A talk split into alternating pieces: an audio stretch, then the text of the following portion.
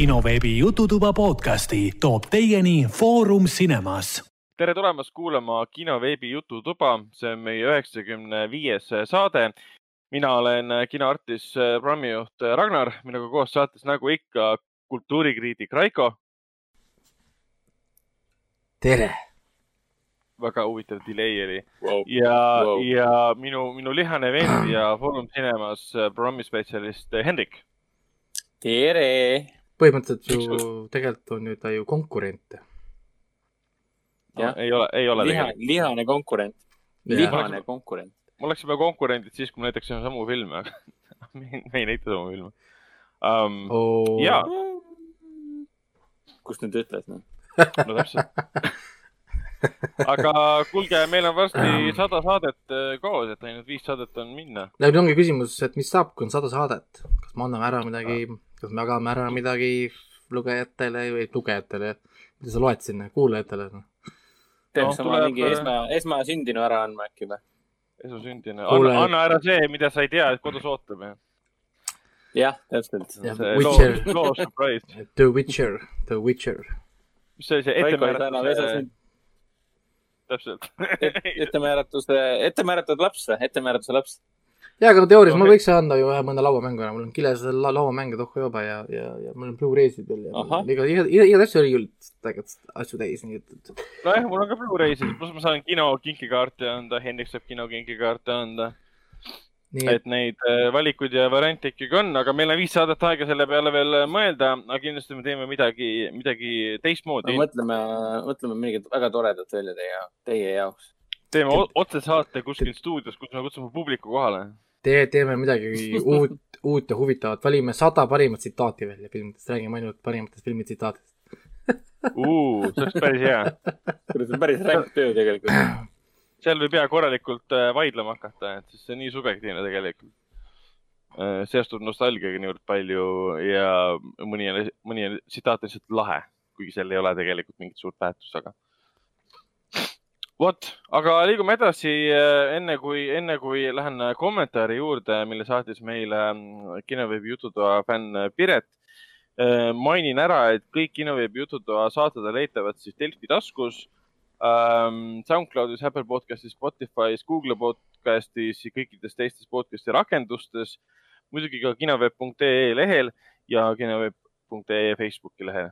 aga meile vahepeal kirjutas äh, Piret äh, meilile pika kirja. ma loen ta, loen ta kõik siis, kõik siis ette ja pärast saate siis äh, kommenteerida. vot päris wow., pikk, päris pikk kommentaar ka. no ei ole see, tegelikult. see on, see on kiri. see on kiri, see on täpselt, see on väga ilus kiri oli äh,. aitäh, Piret, aga jah, nii äh,, siis pealkiri on tagasiside ja ving podcast'ile Smiley Face. hakkasin teid kuulama, kui Raiko oli juba liitunud umbes viiekümnenda saate paiku. suurte tähtedega, kohutavalt häiris Raiko kõnemaneer alguses. algul oli ikka väga raske keskenduda jutu sisule. kõrva jäi ainult defektne kõne. kolm punkti. pea, peaaegu oleksin podcast'i, podcast'i kuulamisest loobunud, aga paar saadet kannatasin ära, harjusin ja pean tunnistama, et Raiko kommentaarid, arutlused ja analüüsid on saate kõige parem asi. vot, vot. Saad endale õla, õlale, õlale vastutada. väga, väga laia silmaringiga, sümpaatsete vaadetega inimene ja persse see kõnedefekt. Tell me more. Raiko on üldse ennast inimesena selles podcast'is kuidagi kõige rohkem avanud. Teistest äh, saatejuhtidest tean ainult, et, et töötavad kinos, on vennad ja üks neist elab emaga. väga vahet neil ei tee, hääled ka sarnased. no see on täiesti, see on täiesti taotluslik tegelikult. mulle meeldib, kui ma olen äh, salapärane nii-öelda. No keegi keegi ei tea täpselt, kes ma olen ja kust ma tulen. aga ma võin siin oota, ma võin siin öelda ühe, ühe, lause vahele ähm,. varsti me elame kõik koos emaga. nii et äh, trikk. ja, ja Raiko elab see ka koos emaga,. see on, see on, see on, see on see trikikas nii-öelda. et Raiko elab ka koos emaga. Et see on- oh, oh Ja, oh, oh, oh, mul on tegelikult see, kuulake, tulge pärast tagasi saatesse ja kuulake seda. et see on, et see on peaaegu sama trikikas kui WandaVisioni esimene hooaeg. et, et, et oi, oi, oi, oi. nii, aga liigume edasi. kõige parem episood oli see, kus Raiko rääkis malest ja The Queen's Gambiti analüüsis äh,.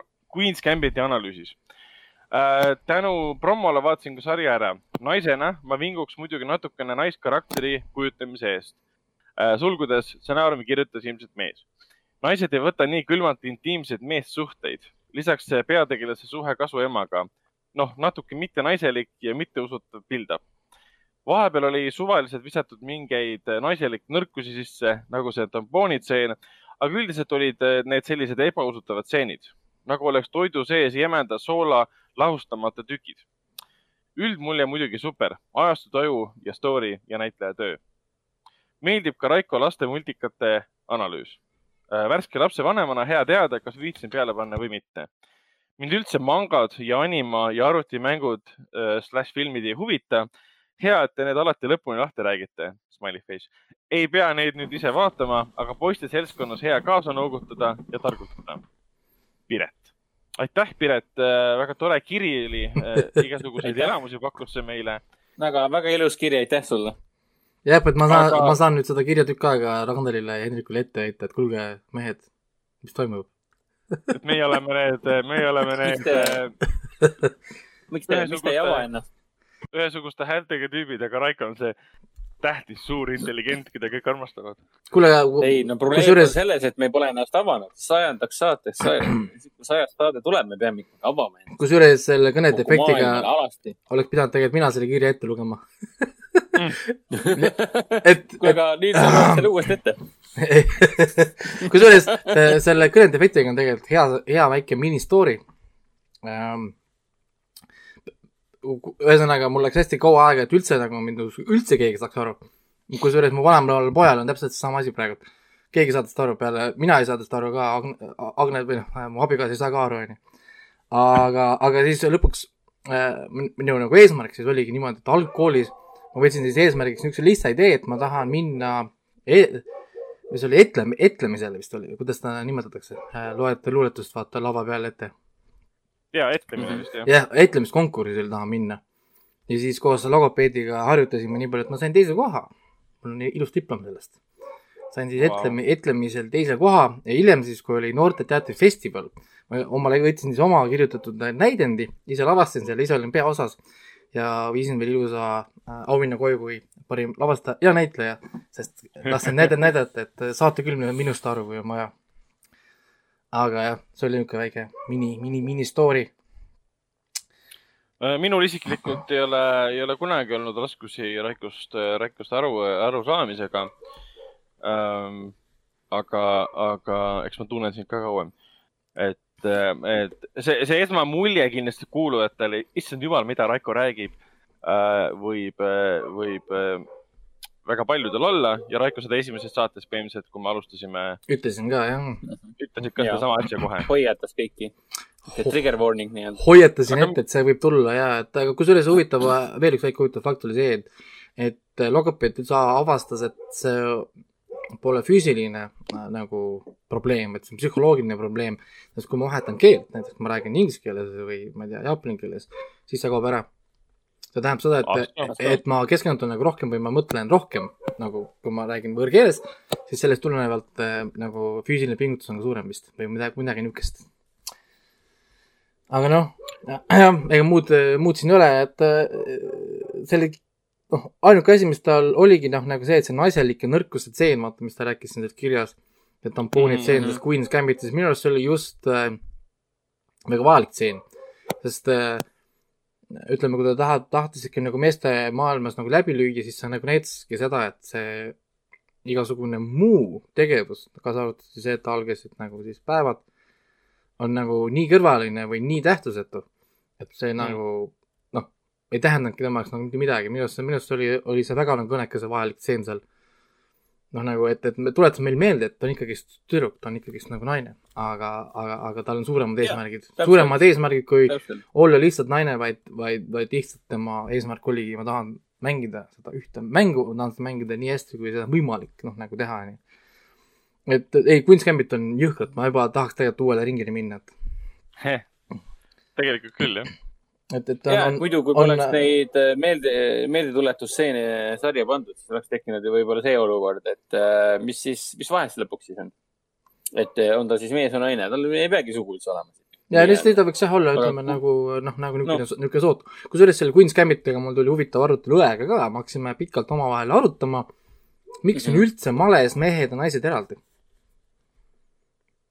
See on jah et- hea küsimus. et, et me nagu tükk aega, ma, ma saan aru, et bioloogiliselt, no füüsiliselt nagu niisugused spordialad, ma saan aru, aga miks me oleme no males jaa, eraldi? aga, aga male ei ole ju füüsiline nii-öelda. jaa, et millest see nagu tuleb?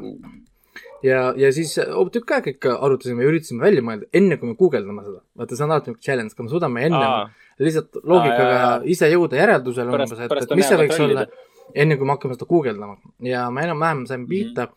Siis Google tegelikult ütles, et mehed-naised tegelikult pole eraldi. selles mõttes, et ükski asi ei keela võistelda, nii nagu Gambitis oli, sa võid minna mängima meestega. mitte üks asi sind ei keela, aga lihtsalt tehakse eraldi võistluseid ainult naistele. kus on siis ainult, ainult naised. minna, aga, aga sa ei pea seal osalema. ja, ja siis, ja siis selle niisugune eesmärk oli siis umbes sama, mis on tegelikult e-spordil ja tegelikult ka ütleme matemaatikas mujal, oli lihtsalt, et tõsta esile rohkem naismängijaid, mille läbi tekiks rohkem naisnimesid, mis alati toob juurde noori tüdrukuid malesse. et see on Just nagu, et see on tohutult nagu niisugune nagu noh, nüüd on nagu meeste, meeste ja poiste ala, siis selle asemel, et noh, nagu noh, kogu aeg tõsta esile neid mehi, kes võidavad, anname ka niisuguse nagu naistele eraldi platvormi. et nad saavad seal oma nimed välja, et siis on, ütleme, tüdrukutel võib-olla, kelle poolest püüelda, noh, nagu otsivad siis nagu Jaa. äh, naist või, või noh, nagu tüdruk, teisi tüdrukuid mängijaid. Ja see on ka ainuke põhjus tegelikult, sest tegelikult, kui sa naisena mängid, sa ei pea mängima nagu ma olen naiste liigas või midagi, niisugust asja, tegelikult sa võid mängida kellega iganes. et selles mõttes mingit piirangut ei ole jah, nagu et lihtsalt ainult selle jaoks, et nagu populariseerida, populariseerida või võrdsustada siis nagu sugu, et tekitada siis noh, nagu jah, huvi ka mujal. nojah, siis kui maailma tipp on mingisugune kakskümmend aastat, kolm meest, siis põhiliselt räägitakse sellest ühest mehest, kes on võitja ja ju teistest naismängijatest räägitakse aina, aina vähem, sest noh, see on loogiline, sest sa räägid ainult võitjatest, kui nad on mehed, ütleme kakskümmend aastat. ja seetõttu, ehk siis eh, kogu malemeedias ei räägita naismängijatest, siis räägitakse ainult kõige parematest. ja seetõttu ma saan aru jah, miks on nagu era- eraldatud ära, et siis kogu aeg see püsiks meedias ka, et näed, tema võitis sealt, on maailma naine Jaa., maailma parim see on naine., see on sama asi, mida tehakse tegelikult ka e-spordis tegelikult Mhm. mm.. see on ju videomäng, samamoodi, miks meil peaks olema eraldi naised ja mehed, me mängime ju videomängu, no täpselt, pult on ju käes, noh, selles mõttes noh, mis meie vahe siis on, siis siin tehakse samamoodi, et tõstet-, tõstetakse rohkem esile siis naismängijaid, naismeeskondi lihtsalt selle jaoks, et vah, näed, nagu liituge ka, tüdrukud mängige ka, et ei pea ainult poisid seda mängima või noh, nagu noh, esi-, esile nagu, nagu tõusma. Selles mõttes minu arust see on okei okay., ma korra mõtlesin, et, et äkki seal on mingi muu põhjus, aga see lihtsalt ainult on populariseerimise või küsimus või niisugune nagu PR teema rohkem, siis ütleme, ütleme siis nii. no eks muidugi sellel on see varjupool ka, eks see on kujundanud sellise arusaama ka, et naised ja mehed ei saagi omavahel koos mängida, sest no, mehed on kuidagi lihtsalt paremad, mis tegelikult tõele ei vasta. aga see võib sellise mulje küll jätta, et sellepärast ongi eraldatud, et see, see ei ole kuidagi loomulik, et naised ja mehed koos mängivad. See on täiesti absurdne arusaam muidugi. nojah, mul ema on hea näide, et eh, ei kaota ei kaotada siin ühelegi mehele siin males, et proovida ta võita nii palju, kui tahad. no vot, vot, vot, vot, vot. no nii, Aga ma hakkan, hakkan siis äh, rääkima, mis Ma mis ma vaatasin või sa tahad veel midagi öelda või? ühte asja veel mainiks, et Gambiti suhtes ja, et, et see põhineb raamatul, mille kirjutas mees ja see põhi, see on see seriaali on kirjutanud mees ja lavastanud mees ja loonud kaks meest, nii et jah, see, selles mõttes see kommentaar vastab tõele, et see kõik on meeste poolt tehtud. ja ei, on, selles mõttes küll, aga minu parimad naiskarakterid on meeste poolt äh, tehtud uh,. mul on nagu niisugune vetsa niisugune tõrge, tõrge on tekkinud ka, kui ma tihtipeale näen, et näiteks äh, äh, ütleme, sul on naise poolt kirjutatud raamat ja siis on ka tehtud naise poolt stsenaarium, siis mul on teatud tõrge, sest ma olen nii palju filme vaadanud, kus kohas naised on ainult naised või noh, nagu tema ainuke eesmärk ongi olla nagu naine. mis on minu arust nagu vetsa nagu noh, kus on nagu ülejäänud osa. ehk siis Twilight on, on Aa, ah, jaa. hea näide. noh, ja, ja, kui tähtis on omada boyfriend'i? või, või viiskümmend harju varjundit, viiskümmend halli varjundit, mis on selle naise eesmärk seal filmis? või noh, asjas, um,. saada meest on kõik. jah, jah, tema eesmärk on olla ainult naine Ol,. olla mehega. ja jah., ja saad aru, kus on ülejäänud asjad, noh nagu noh, selles mõttes, mulle niisugused asjad üldse, üldse, üldse, üldse nagu, nagu ei meeldi, see on tema pointless, kui äh, ma ei tea, panna, ma ei tea, ma ei tea isegi, mis on see sama pointless, mul oli tegelikult äh, üks, üks hea kommentaar, aga ma ei saa seda öelda, see ei ole saate kommentaar.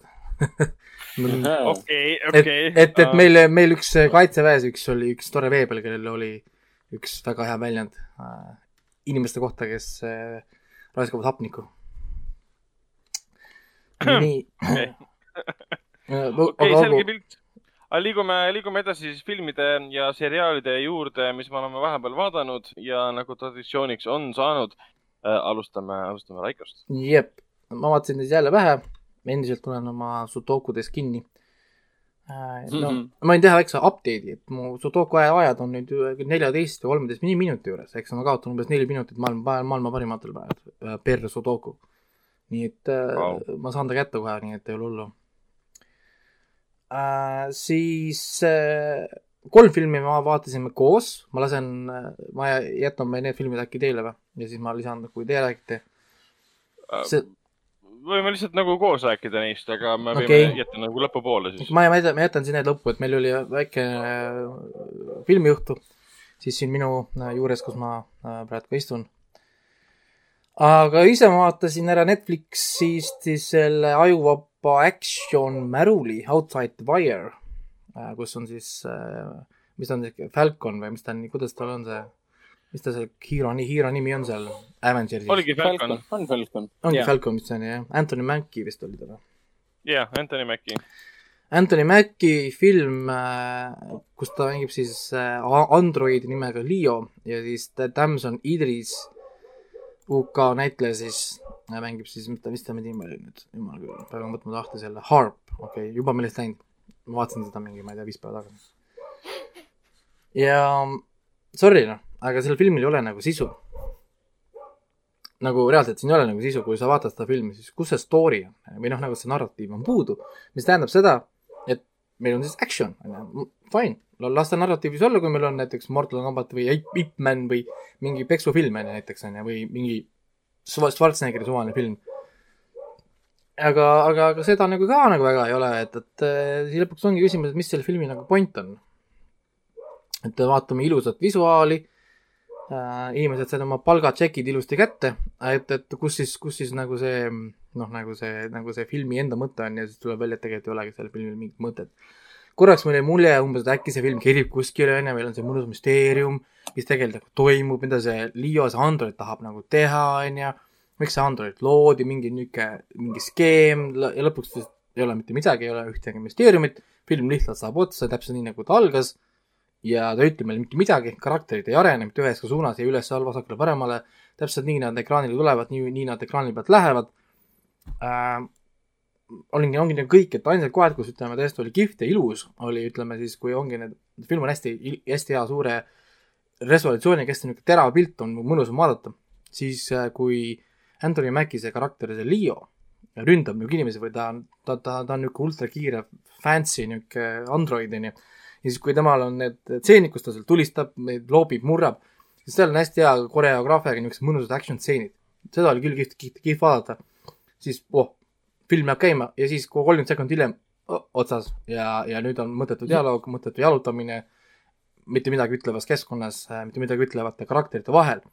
siis äh, ütleme, teine niisugune hea koht, kus tõesti oli nagu kihvt, olid, olid nad äh, mõnusalt pikaks venitanud ühe niisuguse tulevahetuse alguses mulle tundus, et see on niisugune nagu, ma ei oska öelda, noh, et umbes neil polnud ideesid või et umbes nagu filmi pikemaks teha, aga tegelikult ma sain aru, et see oli selle jaoks, et anda edasi nende karakterite seda nii-öelda nagu lõksus olemist. et Mhm. vastane ei lõpeta tulistamist ära. vastane hoiab lihtsalt siin lõputu, lõputu tule all ja hästi kõvad püssilasud käivad niimoodi tuk-tuk-tuk-tuk-tuk-tuk-tuk-tuk lõputult, neil ei ole kuskile minna, mitte midagi teha ja ta ei saa otsa. saad aru, minut, kaks minutit, kolm minutit, neli minutit, nad proovivad minna vasakule, minna paremale. Lõputult tuleb lihtsalt nagu ja mulle hakkas see lõpu, lõpuks nagu nii meeldima, et see oli nagu, et selles mõttes ta noh, siin on teatud niisugused noh, nagu efektid on nagu sees, aga noh, ega ta nagu suures mõttes ma räägin, et kui palju tegelikult valida meil filme on, siis, siis, siis võib väga rahulikult selle filmist lihtsalt mööda, mööda nagu minna. et, et üks suur nimi siin on, ülejäänud kõik on tundmatud näitlejad ja nii et selles mõttes nagu no nagu ma, nagu mul see ah,, see review ka, ma ju lasin teile kuulata seda ju, seal mul oli, oli see viimane lause, et see on piisavalt hea, et üheks filmiõhtuks sõpradega on see täitsa fine.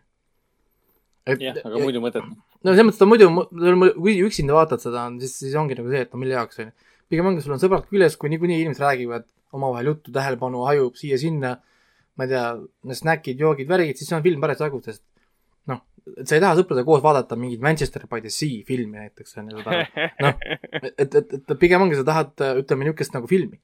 aa, mida mul pole li- listis, mul pole, Lord of the Rings. õigus. esi-, esimene, sa vaatasid siis esimese jah? esimene film tegelikult pea, peaaegu läbi, see on kurb kolm tundi.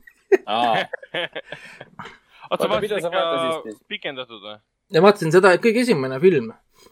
Ma hakkasingi vaatama siitsamast, mis su, mis sa mulle jätsid siia, selle 4K Ultra HD. oota, aga sa võtsid selle esimese plaadi või?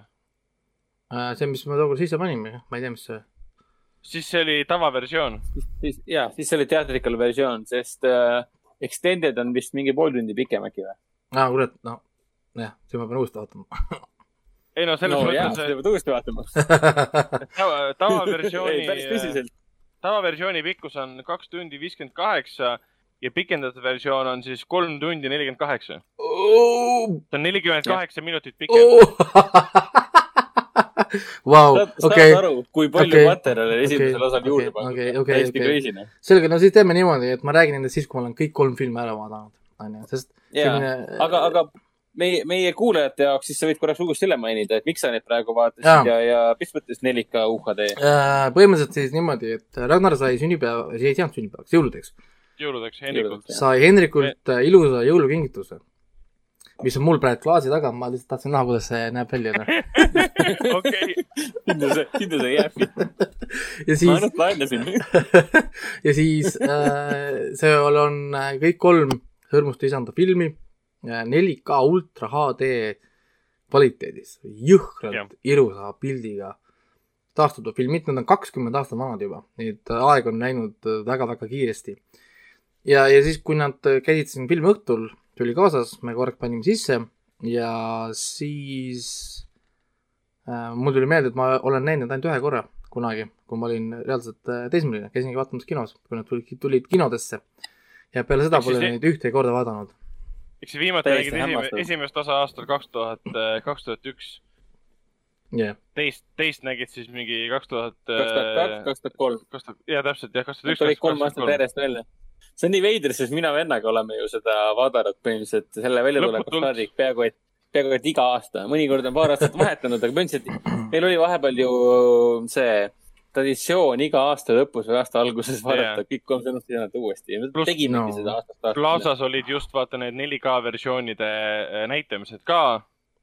kaks tuhat üheksateist detsembris äkki või? jah, kus me vaatasime siis kolme erineval päeval. näitasime, ei, kaks tuhat kakskümmend suvel me näitasime Jaa. seda jääbikut ja, ja. no Aga järgnevad see- Hobbit omad ja, jah. aga see 4K versioon, mis Raikol on, et see on nüüd täiesti uus Warner Brothersi ja siis eh, kõigi kolme filmi režissööri siis Peter Jacksoni poolt välja antud ja see on tema enda stuudios kõik kaadrikud, kaadrid eraldi läbi käidud, et vaadata, kuidas ta 4K-le vastu peab. ja Jackson ise rääkis ka, et nad teatud asju nagu muutsid, nad ei muutnud midagi George Lucas'i stiilis tänapäevaseks, et lisame siia CG, paneme siia mingi CG eluka laulma kuskile. seda ei tehtud.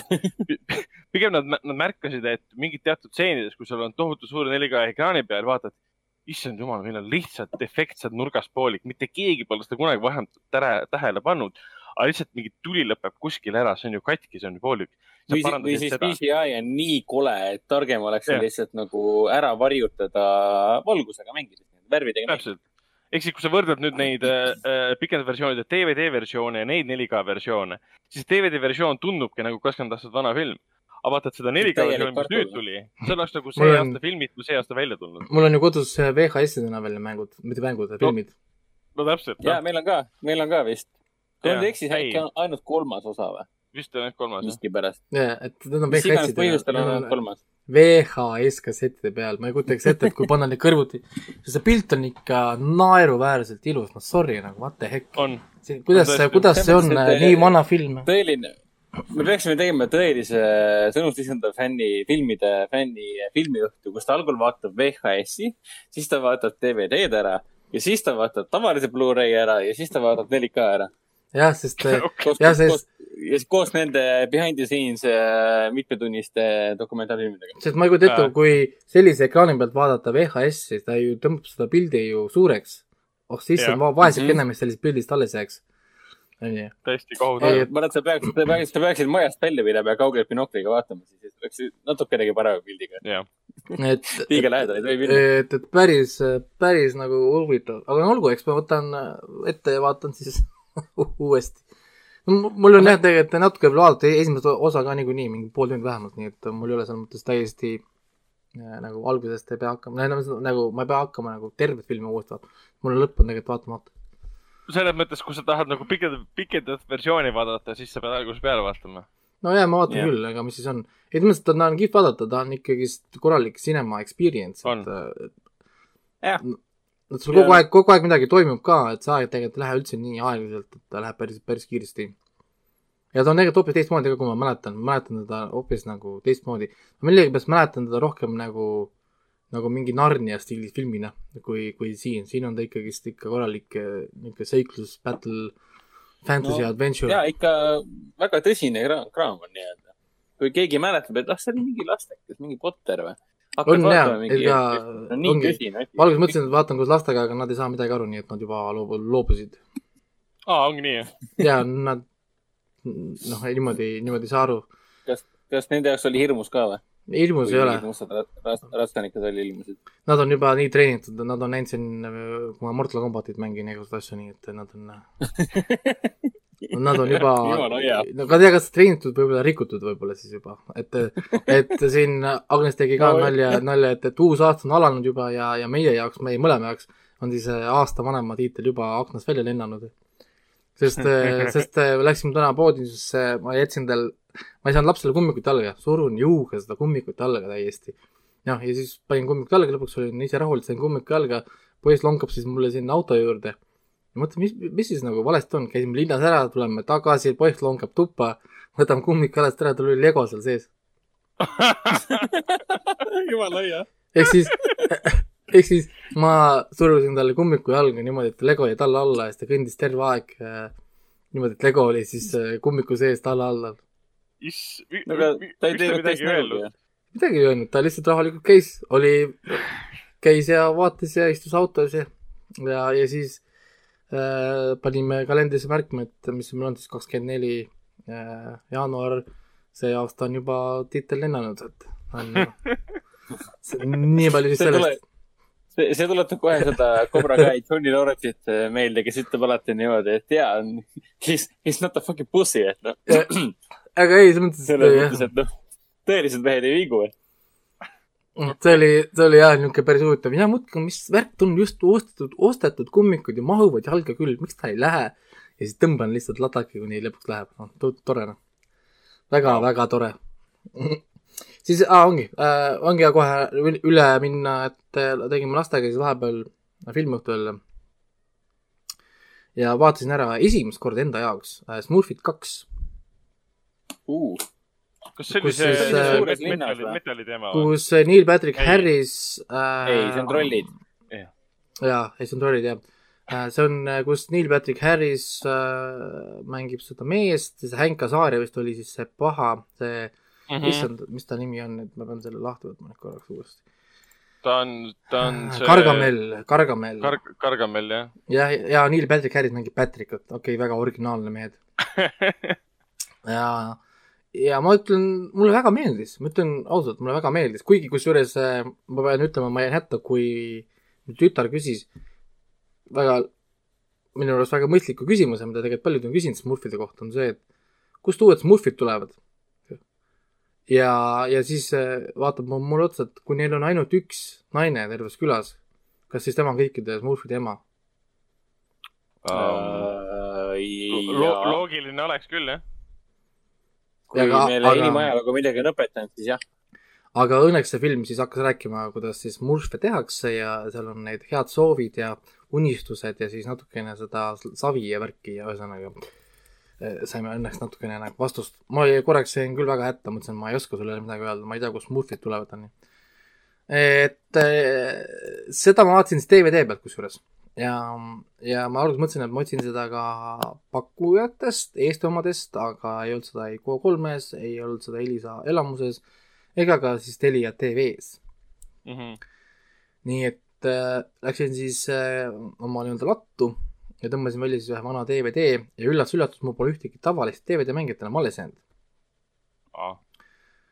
nagu lihtsalt ei olegi enam tavalist DVD mängijat nagu alles jäänud, sest arvutites on kõik ju DVD-d läinud.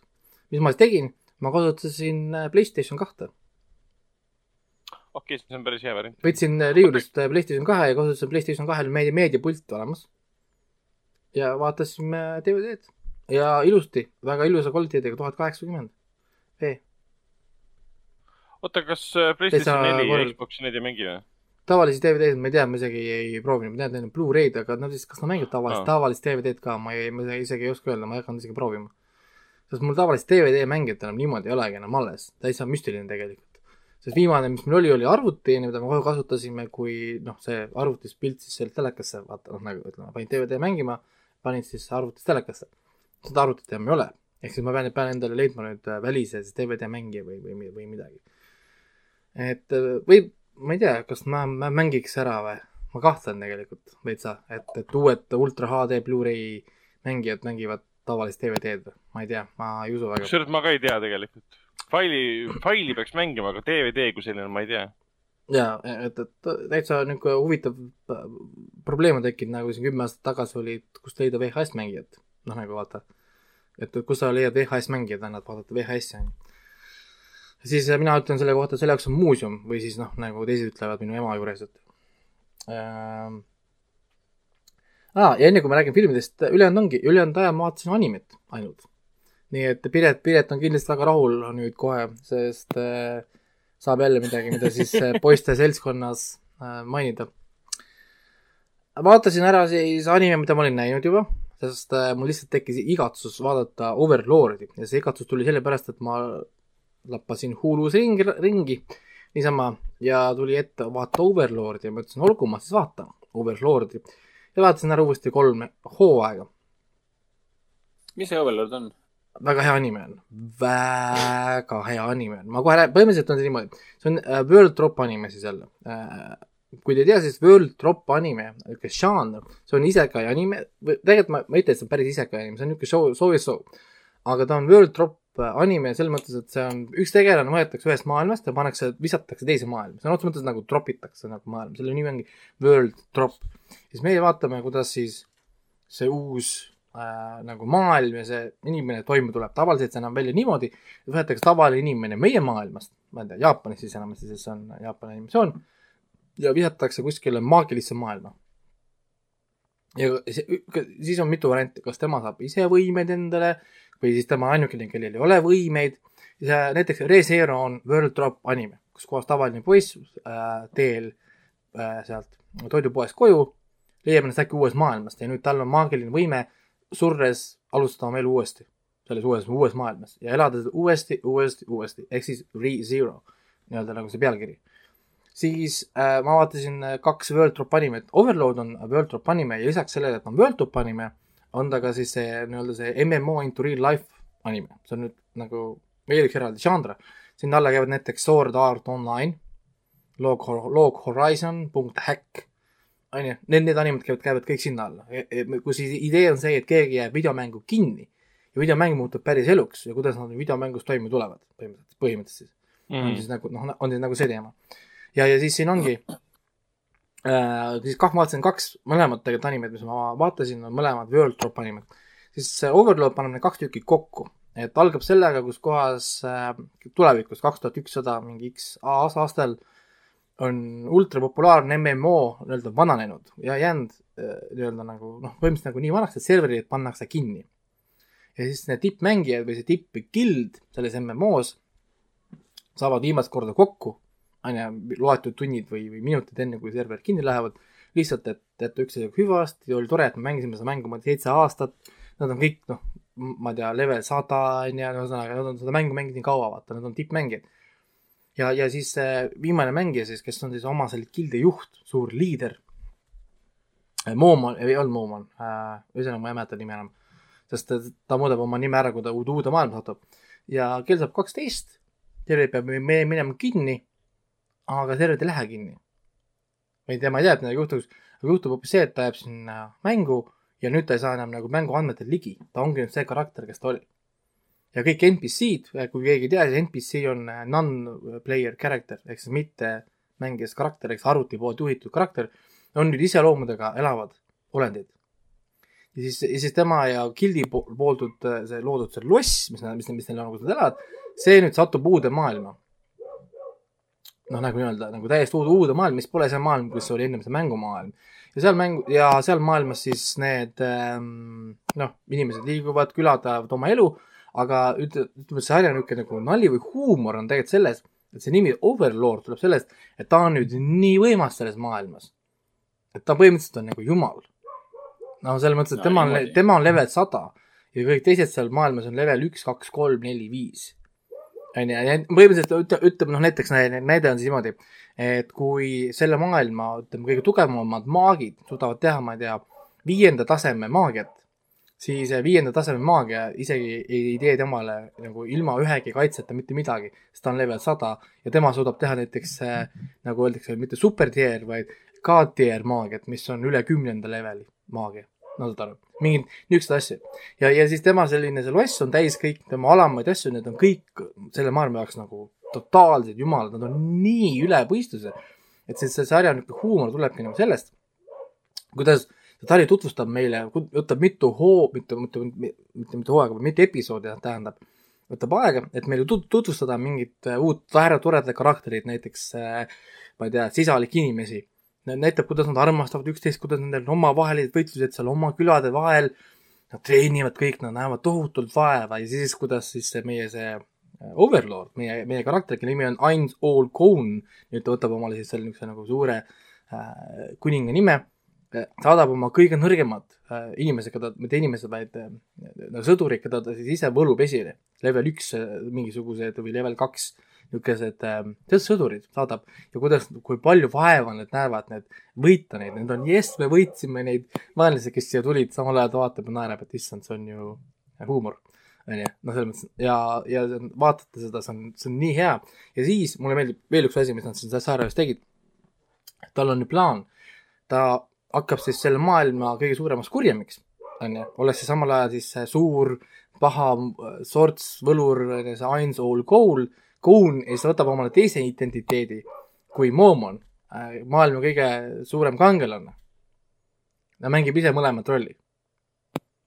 nagu, et ühelt poolt on ta mõõkadega siis kangelane, kes päästab kogu inimkonda ja teiselt poolt on siis see paha, kes in, inimkonda siis üle võtab. ja ise mängib mõlemat rolli inimeste jaoks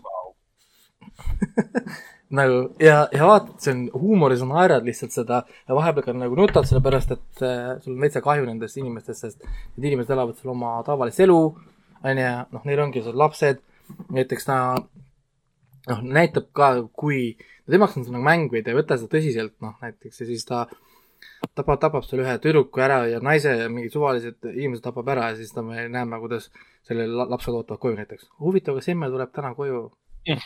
Nope, nope, ei tule, sellepärast et üks põhimõtteliselt jumala inimeste keskel otsustas, et, et see inimene ei peaks koju minema Mm. ja, ja, ja siis, ja, ja siis muidugi üks äh, legendaarne episood siis, mis on siis anime niisugust või noh, nagu ütleme, ütleme siis anime com- community's väga suur ja tuntud, on kolmas hooaeg, episood kaksteist äh, nimega Massacre. Ja see, see nimi ütleb väga palju.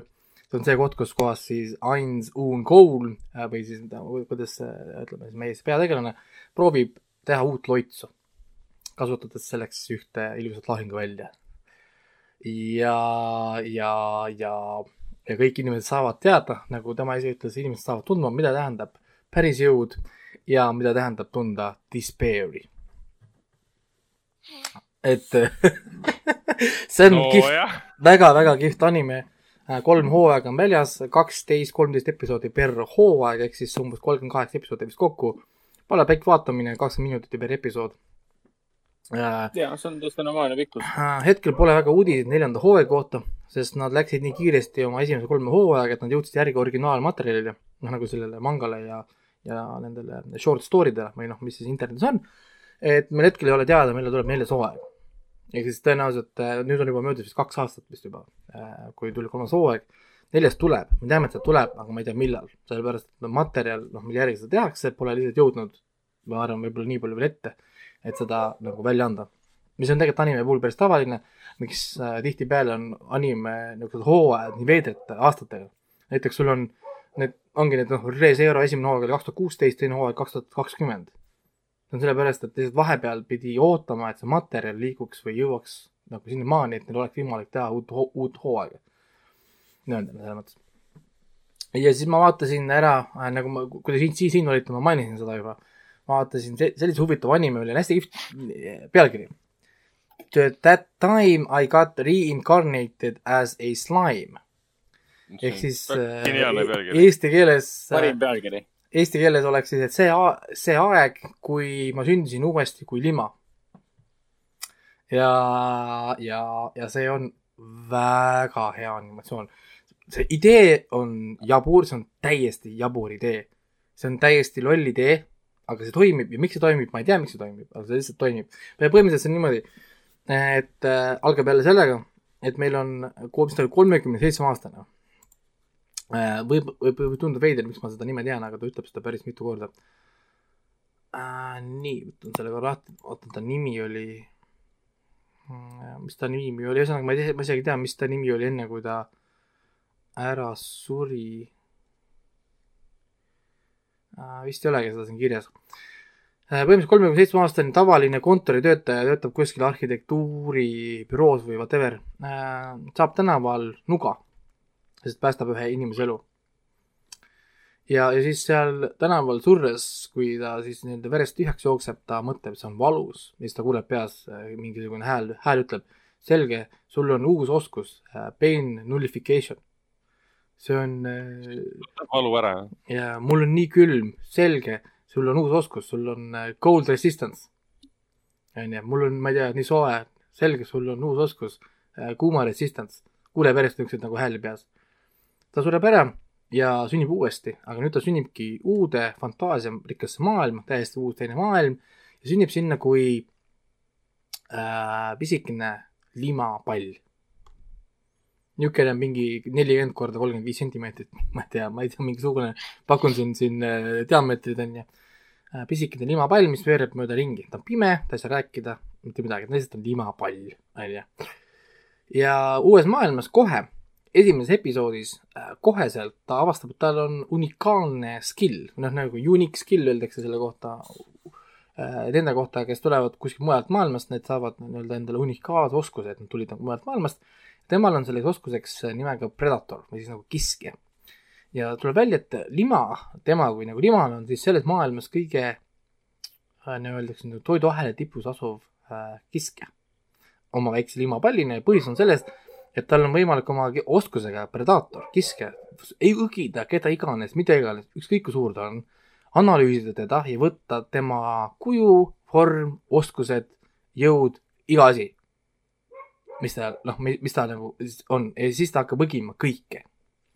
ja esimeses episoodis ta suudab ära, ära õgida terve selle maailma kõige tugevama olendi draakon nimega Valdora, kellega nad saavad parimaks sõbraks, õgib selle draakoni enda sisse sealt hakkab see animatsioon pihta.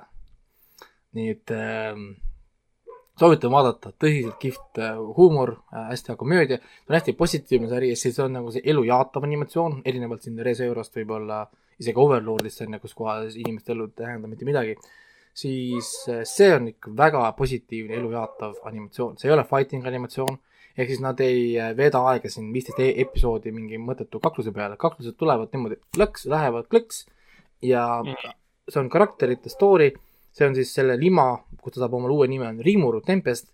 tema nagu see story, kuidas väikene limapall saab äh, nii-öelda nagu kuningaks ja sealt edasi veel milleks iganes veel, ma ei ütle, mida, mida, kuhu ta nagu läheb, onju. aga, aga see, see, see ei ole kindlasti nagu, kuidas nüüd öelda, üks veidramaid kontseptsioone, mida on animeerides kasutatud. oi, muidugi mitte, ei midagi, muidugi mitte. animeerides on kindlasti väga palju veel veidrama pika pealkirjaga seriaale ja veel veidrama sisuga seriaale kui see. ja muidugi ja, et selles mõttes, et ongi, see läheb nüüd sellesse eraldi kategooriasse, mida siis nimetatakse, selle kohta on üks jaapani väljend, mis mul ei tule kohe meelde, aga põhimõtteliselt see väljend tähendabki seda, et pika pealkirjaga seriaalid, mis äh, äh, paisutavad ühe veidra detaili üle ja veel kord üle. noh, nagu või ük- üks, üks nagu väljend on äh, nagu selle kohta olemas. näiteks selline äh, sari on meil olemas, et äh, pole, pole vale lantida tüdrukuid keset seda dungeon'i. näiteks on meil olemas üks äh, okei okay., ja sa näitasid meile ka seda Jaa. ja, ja, siis on meil olemas see animatsioon, mille nimi on äh, Sündides uude maailma oma uue selle smartphone'iga või nutitelefoniga. ja. Nagu ja, ja ongi, no nagu, nagu niisuguste nagu pealkirjadega animatsioonid ongi tegelikult väga huvitavad, sest nad võtavad mingi ühe veidra kontseptsiooni ja viivad selle no nii nagu detailisteni, peensusteni välja, et, et mingi hetk sa lihtsalt nagu noh, pead vaatama ja imestama, et, et, et kuhu see saab minna. ja, ja, ja see on see, see, see Slime'i sari, ma räägin, see on nii huvitav asi, et, et ma olin seda vältinud tükk aega, sest mulle tundus, noh, see kaha samamoodi siis väga nagu niisugune loll ja, ja, ja kohati nagu veidi, veidi tee. ja noh, IMDB-s ka keskmine hinna kaheksa punkt null, nii et äh, anim-, animatsiooni mõttes ikka väga, väga, väga kõva asi. Ja praegu teine hooaeg jookseb, teine hooaeg hakkas nüüd, uuel aastal hakkaski, teisest hooajast on väljas kaks episoodi praegu, kolmas tuleb vist homme või, see vist oli esmaspäeviti nii et soovitan vaadata. ma lugesin juba manga ette, sest mul ei ole iseloomu kahjuks. ja võtsin jah ette ja manga ja lu- lugesin juba ette ära, mis tuleb. nii et jah, ei, suutnud vastu panna, mõtlesin, ma tahan teada, kuhu see saab minna, kuhu see limakene saab minna ja tuleb välja, et saab päris kaugele minna. et äh, maailm on täis ikkagist andekaid inimesi, kes oskavad, oskavad kirjutada ikka karaktereid ja, ja situatsioone ikka igal, igalt poolt, mis on nagu müstiline. meile sa tutvustasid ka seda, seda Demon Slayer äh, Kimetsu no Yaiba äh, paari episoodi põhjal, mis on Crunchyrollis olemas, tasuta vaadatav ja meile Hennikuga tundus küll, et see on nagu asi, mida peab vaatama. ja, ja, ja õige jah, ma tegin ju teile siin demo, ma tegin äh, jah, kui te käisite nüüd siin, demorill. siis ma tegin teile läbi äh, Hulu siis, jah, kui te olite siin, tegin teile demo riigili, näitasin mõnest paari epi-, episoodi, et demonstreerida selle sarja anim-, animatsioonitehnikaid. ja, ja kui emotsionaalne ja nagu võimas story on sellel äh, Demon Slayeril, siis, siis ma juba noh, ma räägin, et see üks episood nii kihvt oli, kuidas äh, mõlemad jäite nii klaasist plikadega kohe vaatama, sest äh, see jah, tõmbas kohe Ei no- nagu, nõudis, nõudis sinu, nõudis su tähele, tähelepanu. väga klassikaline, aga samas nagu väga võimas nägi välja. kohe naelutatud pilt nii-öelda. ja eriti veel enne seda, kui see, mis ta oli, Mugen Train või? see filmi, filmi järg peaks nüüd tulema äkki ka eurooplastele kunagi kättesaadavaks, vaadatavaks. loodame, äkki siin Jahvi, Jahvi ajaks on äkki olemas juba äh, kevadel. loodan toimub., loodan jah, sest äh, noh, algselt, esialgsetel andmetel pidi tulema viisteist jaanuar global release, aga noh, see tähendas, tähendab mitte midagi, sest äh, Covid on ju. nii et millal see tegelikult on, seda keegi ei tea. kas üldse, kas see üldse tuleb muidugi ka, noh, ma lo- loodan, et tuleb, mina, mina loodan, et Sony lihtsalt ostab ära. Sony viskab neile raha, plõpp-plõpp-plõpp ja paneb kas siis Crunchyrolli või Funimationisse selle ülesse. loodan, loodame. aga noh, nüüd räägiks kiiresti nüüd ära need kolm filmi, mis me siis vaatasime siin nüüd ühel õhtul. ja hakkame Äh, siis äh, järjest pihta või? The Pool Maini-. mainime ära, et me vaatasime neid siis, vaatasime neid siis Shudderis, jah, Shudderis jah. mis on ainult USA-s kättesaadaval, mis tähendab, et VPN-i kaudu tuleb neid, tuleb neid vaadata. Ehk siis kas me ei teinud midagi, ja need olid Jaa. kõik Shudderi filmid jah. ehk siis me ei teinud midagi illegaalset, selles mõttes, et me kõik maksame kuutasusid ja värke-särke, et äh, kui teil on võimalus kuidagi VPN-i kaudu liituda, siis Shudder on geniaalne koht, kust leida nagu häid õudukaid. olgugi, et äh, meie valitud filmid olid kõik väga-väga erineva kvaliteediga. Äh, jah, selles mõttes Esimene-, nii räägi. Et esimene film äh, Bassein äh, The Pool aastast kaks tuhat kaheksateist, äh, Tai film.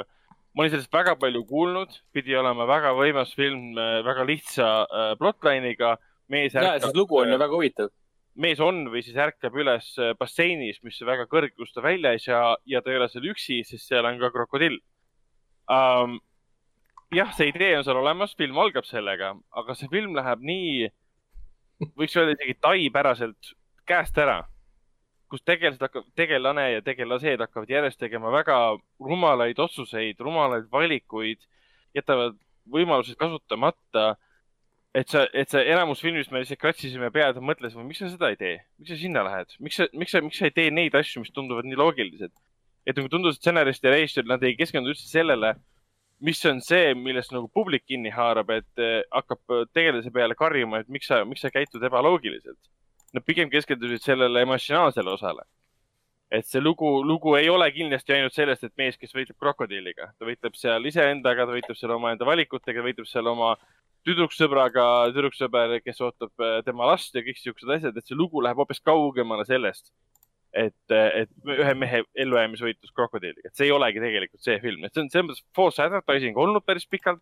mina arvasin, et see on mehe võitlus krokodilliga tegelikult see oli lihtsalt mingi e, emotional growth the movie, mis puudutas e, mehe otsust saada isaks ja suureks kasvada. no ja, aga tavapäraselt sellised filmid ongi just sellise sisuga nii-öelda. hästi lihtne läks, sisu. ta kolis selle peale nii kiiresti üle.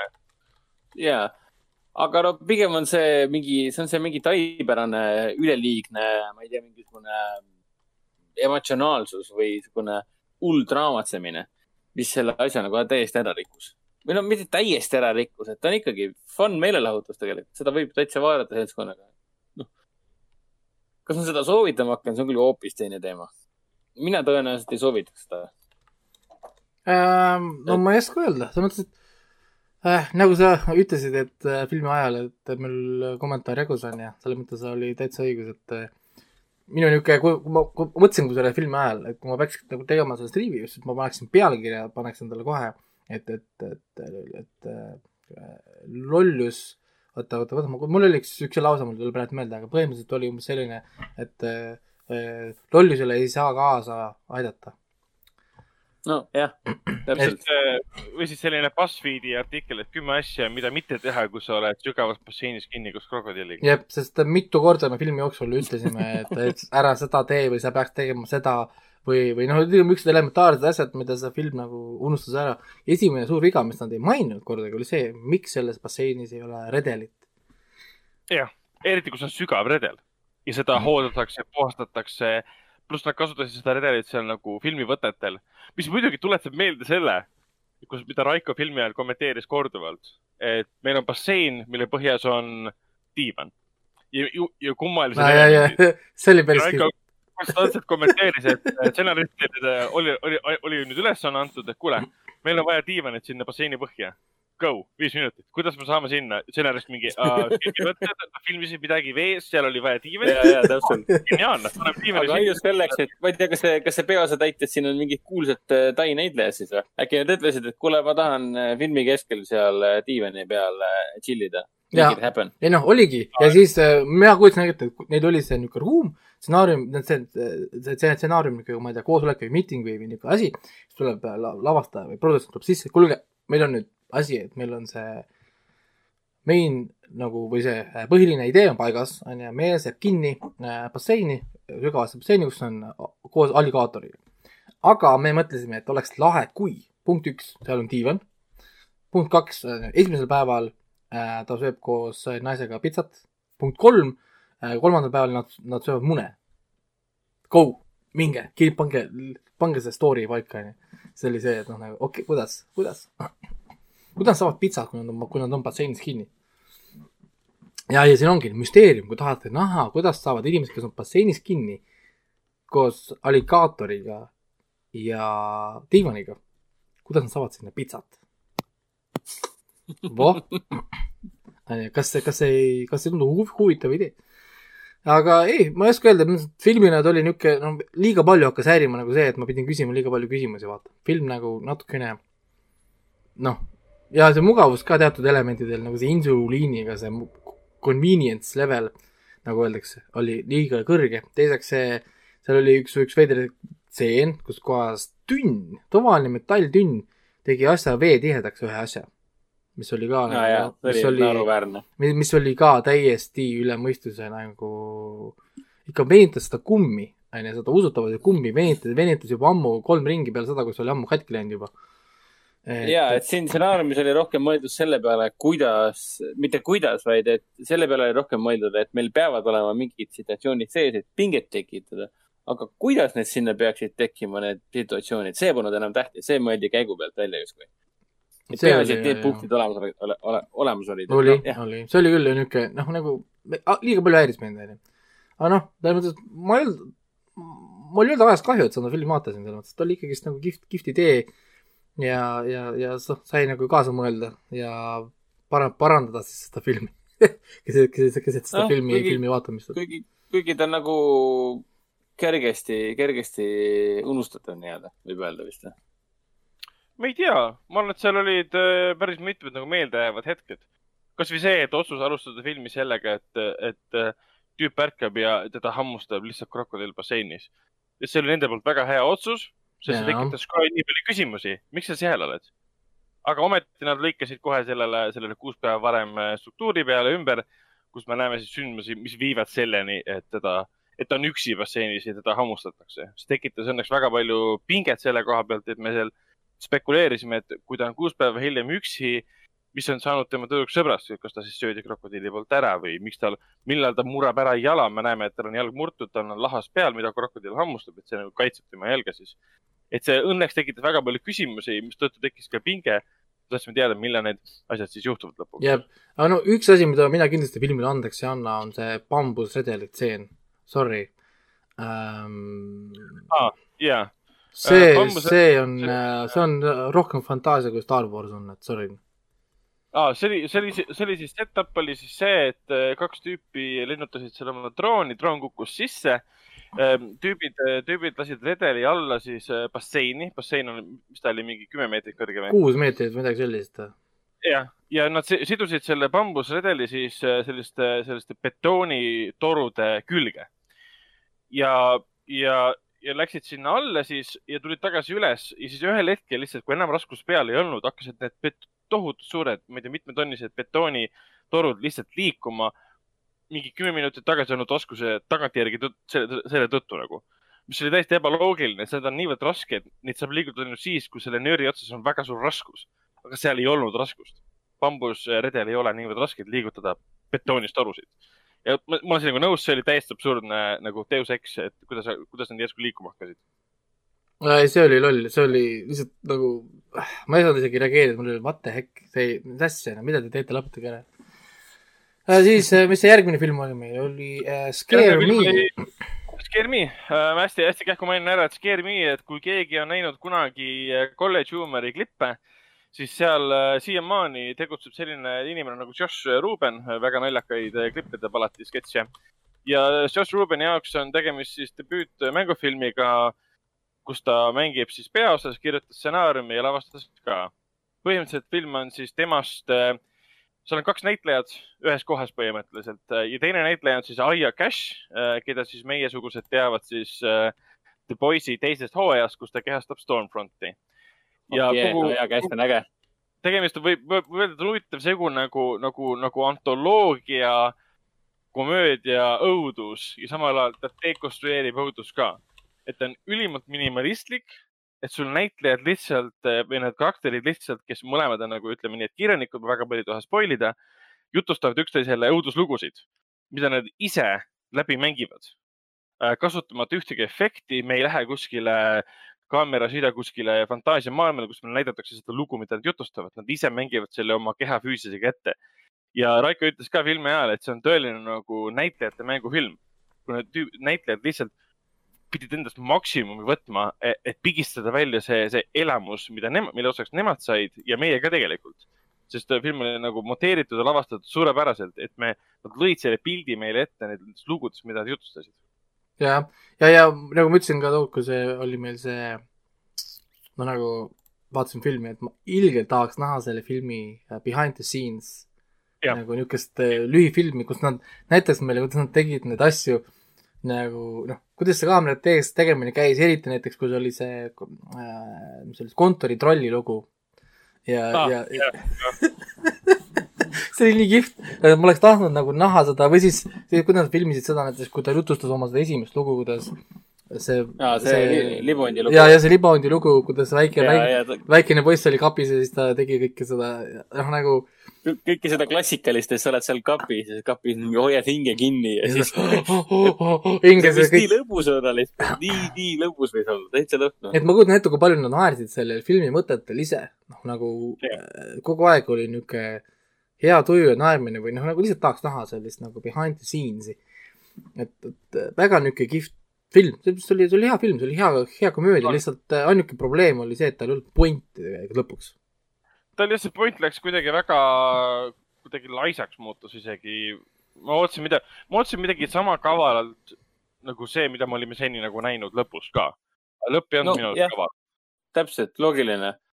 Et noh, lõpp oli, kusjuures ma praegu lugesin, et sellel filmil oli ka nii-öelda meet credit stseen, mida me vist ei näinudki.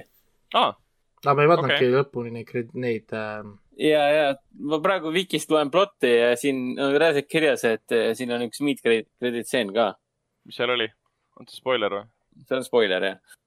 mm.? aga, aga noh, ei noh, tal nagu point oli tegelikult enamik filmist oli tal täielikult nagu point olemas, et äh, kaks äh, kirjanikku, mõlemad püüavad tegelikult äh, olla kuidagi inspireeritud või motiveeritud, et see kõik on väga lahe. ja mõlemad püüavad õudust teha, me näeme, et üks on andekas ja teine väga ei ole, siis nad püüavad üksteist üle trumbata ja nii edasi. aga see lõpp nii-öelda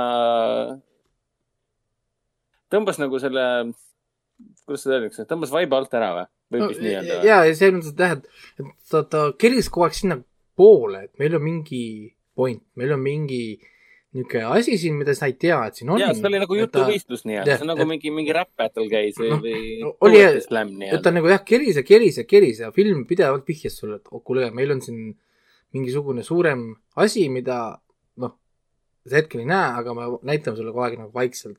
ja ta vihjas sellele pidevalt ju sellega, et äh, kui, kui, kui see mees alguses sinna metsamajakesse sõitis, me saime natukene niisugust minitausta, onju.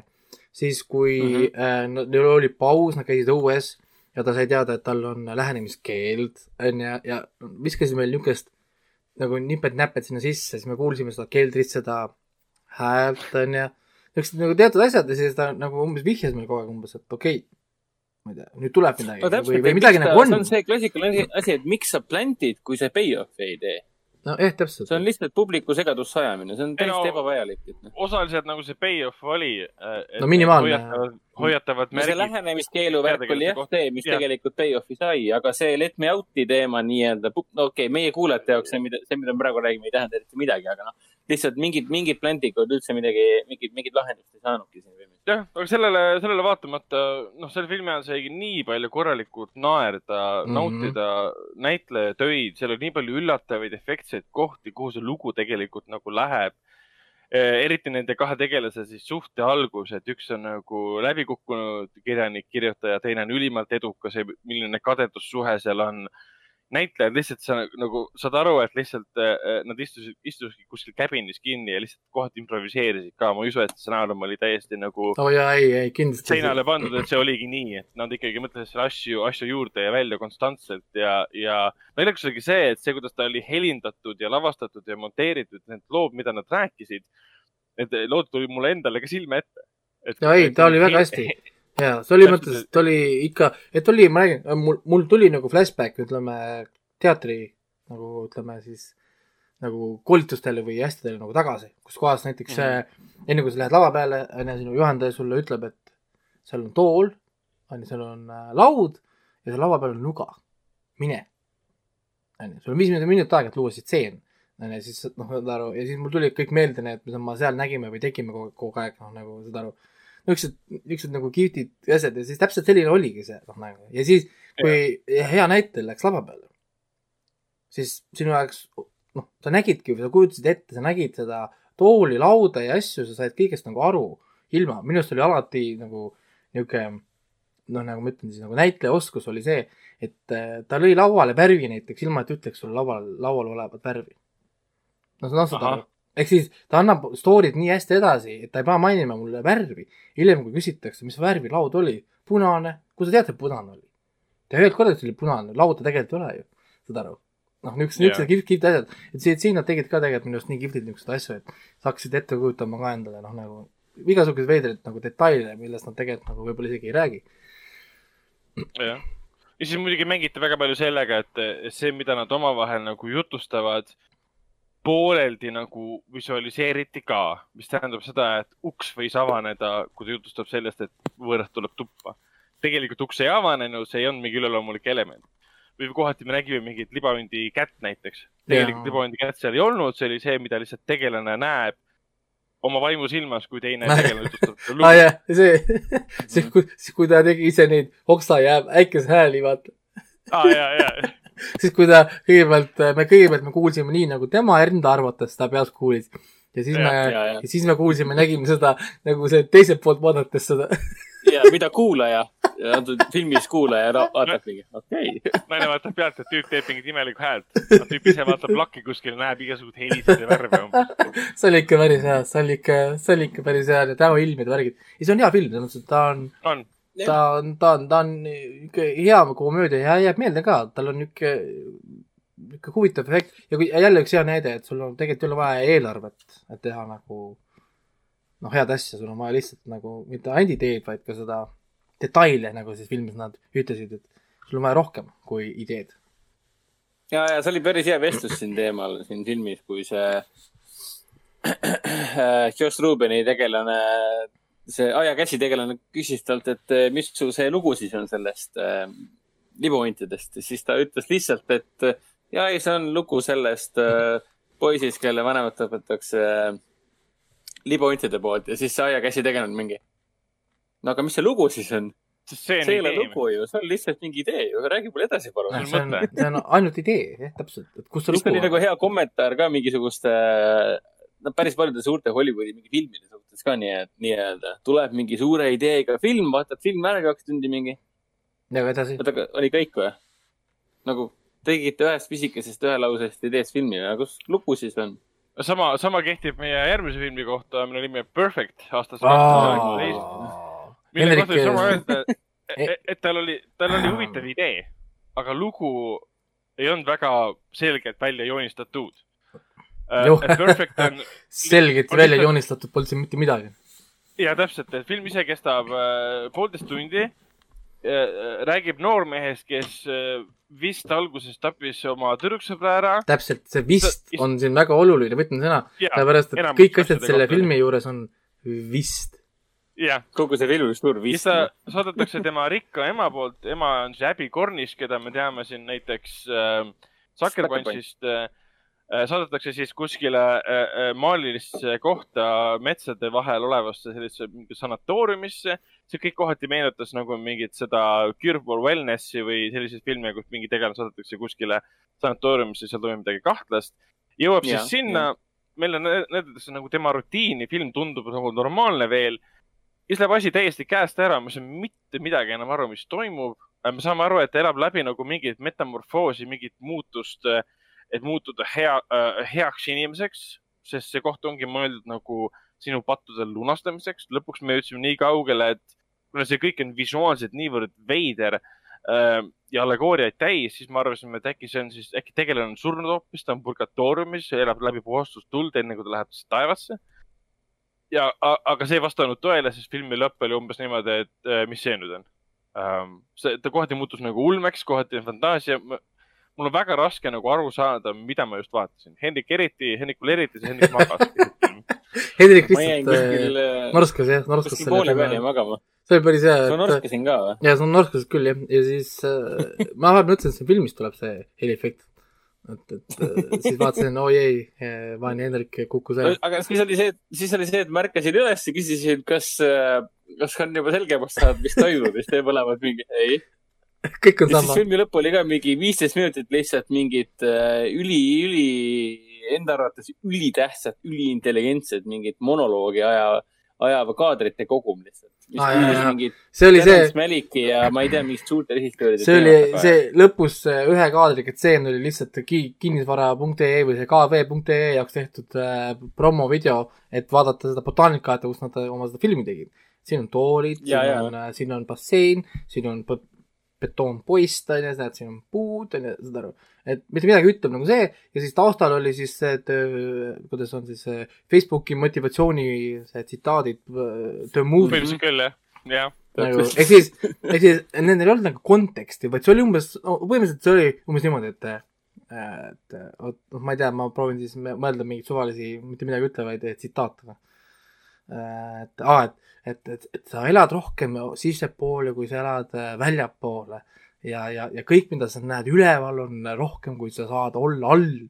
mingi, lihtsalt mingid sõnad, mitte midagi ütlevad nagu sõnad, laused, mis ei tähenda tegelikult nagu mitte midagi ilma konkreetse kontekstita. Ja siis, siis ta viskab mingit asja sulle, asjad on millegipärast aegluubis, niisugune veider kunstifilm, mingi tudengifilm, slash, häss, mingi äh, veid-, veidrus, et, et, et selle kohta tegelikult on hea äh, niisugune väljend olemas, inglise keeles on deep äh,, fake deep, jah. fake tip, jah.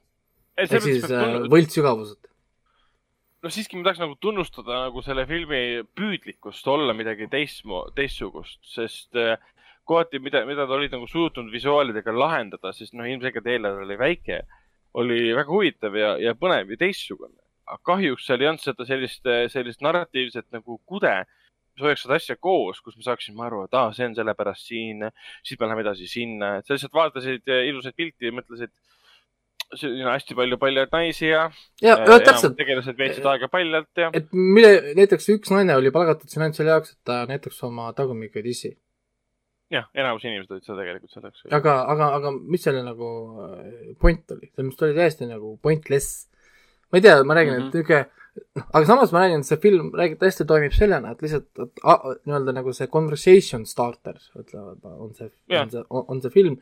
sest kui sa vaatad selle filmi ära, siis äh, kindlasti on väga palju rääkida, eriti just kirguda ja muidugi pakkuda ideesid, millest see film räägib, onju. aga tõenäoliselt stsenaristidel, lavastajatel, nendel ei olnud tegelikult mingit kindlat äh, niisugust ideed endal, vaid nad lihtsalt võtsid viisteist ideed, toppisid need kõik kokku, sest äh, ma räägin, et film alguses väga tugevalt vihjab sulle sellele, et see on mingisugune seksuaalhälvetega tegelev nagu keskus või noh, nagu mingi nagu raviasutus, siis hiljem oleks nagu võib-olla conversion therapy umbes, et äh, ma ei tea, inimesi ümber konvertida, noh nagu äh, siis seda seksuaalset orientatsiooni siis, siis ta mingilt tundub, et see on hoopis transition keskus, kus mehed lähevad naistest naisteks, sest millegipärast oli seal ainuke mees.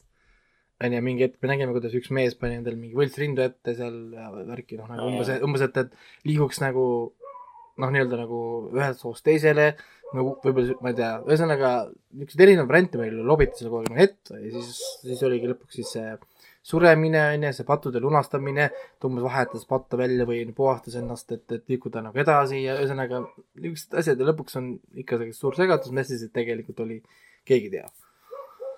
Nii et eh, jah, ei soovita vaadata, säästke aega kokku, kui võtate Shudderi äpi endale, siis pange Perfectile, ma ei tea, mitte midagi, sest see ei ole mõtet. või noh, selles mõttes ma ei tea. võib-olla kui, kui ah,, muidugi võib vaadata, kui sa oled üks nendest inimestest, kes läheb Facebooki, et jagada neid hobedaid i- inspireerivaid tsitaate, siis palun jah. vaata, vaata seda filmi, kümme, kümme film, insta lemmik sulle, ma garanteerin. vaata kümme korda ja pane talle IMDB-s kümme, kümme. seal, seal, seal kui see hakkab, kui see mees hakkab rääkima, ütleb, ütleb neid lauseid, siis sa tunned, kuidas see lihtsalt connect ib sinuga. kuidas, kuidas, kuidas maailm äkki omab rohkem loogikat, sest keegi saab sinust lõpuks aru. et kui sa oled Jah. üks, üks nendest inimestest, siis palun väga, sa just leidsid endale ideaalse filmi, perfect filmi. vot, aga see annab lihtsalt tunnistust sellele, et, et Shudder on väga hea äpp, kus vaadata, kus vaadata filme. aga liigume edasi. Hendrik vaatas ära Cobra Kai eh, kolmanda hooaja. ehk siis nüüd on Raikole vaadatud ja Hendrikule vaadatud, mina pole endiselt vaadanud teist ega kolmandat hooaega. nii, kas, nii, kas meil on nüüd, vaadake, mis juhtus, aasta kaks tuhat kakskümmend, Hendrik oli see pidur.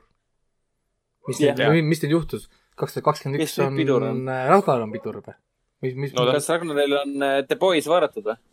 Äh, teise hooaja kaks esimest episoodi. ai, ai, ai, ai, ai. ai, Aga- täiesti mõttetu sell, noh. aga, aga noh, selle eest äh, Ragnar kustutas korralikult filmide võlga, nii et ei saa tegelikult väga kuri olla, nii et. seda Jaa. küll, jah aga ei, kurat, Cobra Kai kolmas hooaeg mida, mida helli kestab nagu. On ju, see läheb nii, ta on nii haip, see on nii haip. ja nii hea, ja nii hea finaal oli ka, see oli vist äh, nelikümmend minti oli viimane osa. aa, vist oli jah, ta oli, pikem kui oli pikem, kõik teised.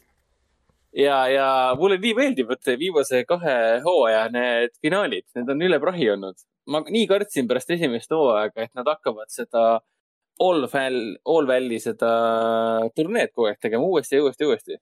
ma nii kartsin, et nad lähevad seda Karate Kidi filmi järgi, et esimeses oli see võistlus, teises ei olnud, siis oli kolmandas oli võistlus, ma ei tea, kas neljandas ka oli, aga noh, ma saan aru, et neljandast ei räägita et ma mõtlesingi, kuidas nad neid finaale lahendavad niimoodi, kuidas sa saad minna veel paremaks kui, kui see, mis oli esimese hooaja lõpp nii-öelda. teine hooaeg oli jumala äge, ma pean vaatama, kas on kuskil olemas neid eh, behind the scenes äh, klippe või dokke. On. On. Neil on, asju. Neil on omal Youtube channel ja need Netflixi Youtube channel'is on omajagu erinevaid äh, viiekümne, viie kuni kümneminutilise pikkused niisuguseid äh, väljavõtteid erinevatest episoodidest, kuidas need tehti, kuidas nad harjutavad, kuidas nad treenivad neid äh,, need stseenid, koreograafiad, nende enda kommentaarid, näitlejate värgid ja siis lisaks on veel Netflixil on see sari ju ka, see Netflix After Party, mis tuli, kus nad ka Jaa. räägivad sellest Cobra Kaidist ja näitlejad ja see nad käivad sealt läbi, ühesõnaga, seal on, content'i on palju, ta on päris suur hitt praegu, nii et äh, selles mõttes, et seal on see, see teise ja kolmanda hooaja võitluskoreograafia ongi selline, et nagu kogu aeg on, näpp on kogu aeg selle space'i juures, et tahaks nagu pausi panna, et mingi oot-oot-oot-oot. ma vaatasin korraks kaheks sekundiks nagu vasakule, ma pean uue, uuesti vaatama seda hetke, muidu ma ei näinud, mis seal toimus nii-öelda. et noh, kuidagi ja- alati, kui need võistlus, võitlused algavad ka, siis need, nad kuidagi animeelikud nii-öelda või, ma ei tea, Raiko on nõus sellega, kui ma niimoodi ütlen või? siis alati tullakse kohale öeldakse, et nüüd hakkab võitlus, ma mingi, nii, ma olen valmis. Katrina, tule siia. nii, hakkame nüüd, nii, kõik telefonid maha, nüüd me vaatame rahulikult, võitlus algab. ma ei tea, see on kuidagi nii, nii kaasaarv, nii kutsuv ja eriti veel see kuradi suhete dünaamika. Kolmas hooaeg oli, ajas mind nii närvi. selles mõttes, et nagu ma ei saa midagi öelda, mis seal on nii-öelda, aga Raiko saab aru, miks see mind närvi ajas selles mõttes, et ütleme nii, et üks osapooltest, üks mitmest osapoolest nii-öelda, üks nendest on alati peksukott ja see ajas mind nii kohutavalt närvi. jumal hoia. On jah, see- on küll, et miks see politseisse ei helista või, või ei tea, filmi ülestuse või midagi no,. No täpselt, Jah. kolmanda äh, hooaja lõpp oli ka umbes niimoodi, et mul oli endal siuke tunne, nagu see Dimitris vist esimeses hooajas ütles, et äkki kutsume politsei või, et kui keegi tuleb sulle tänaval kallale, kuidas sa ennast kaitsed? Maybe I call the police. et mul oli kolmanda hooaja lõpus samamoodi mingi, äkki te nüüd esitate süüdistuse või? äkki te kutsute politsei, äkki keegi filmib seda, mis siin toimub või? mis kuradi maailmas te elate, lõpetage see nali ära. ei no aga samas see on nagu loomulik reaktsioon, et ma ei tahagi, et politsei tuleks mängu, sellepärast et see on. Karate Kidi maailm, see on Cobra Kai maailm, see peabki nii jääma. Aga esimeses hooajas oli ka üks teatud stseen, mis puudutab äh, teatud auto äh, hävitamist, ütleme nii. mul oli ka see reaktsioon, et kus politsei on, kus tuletõrje on, see ei ole normaalne ju.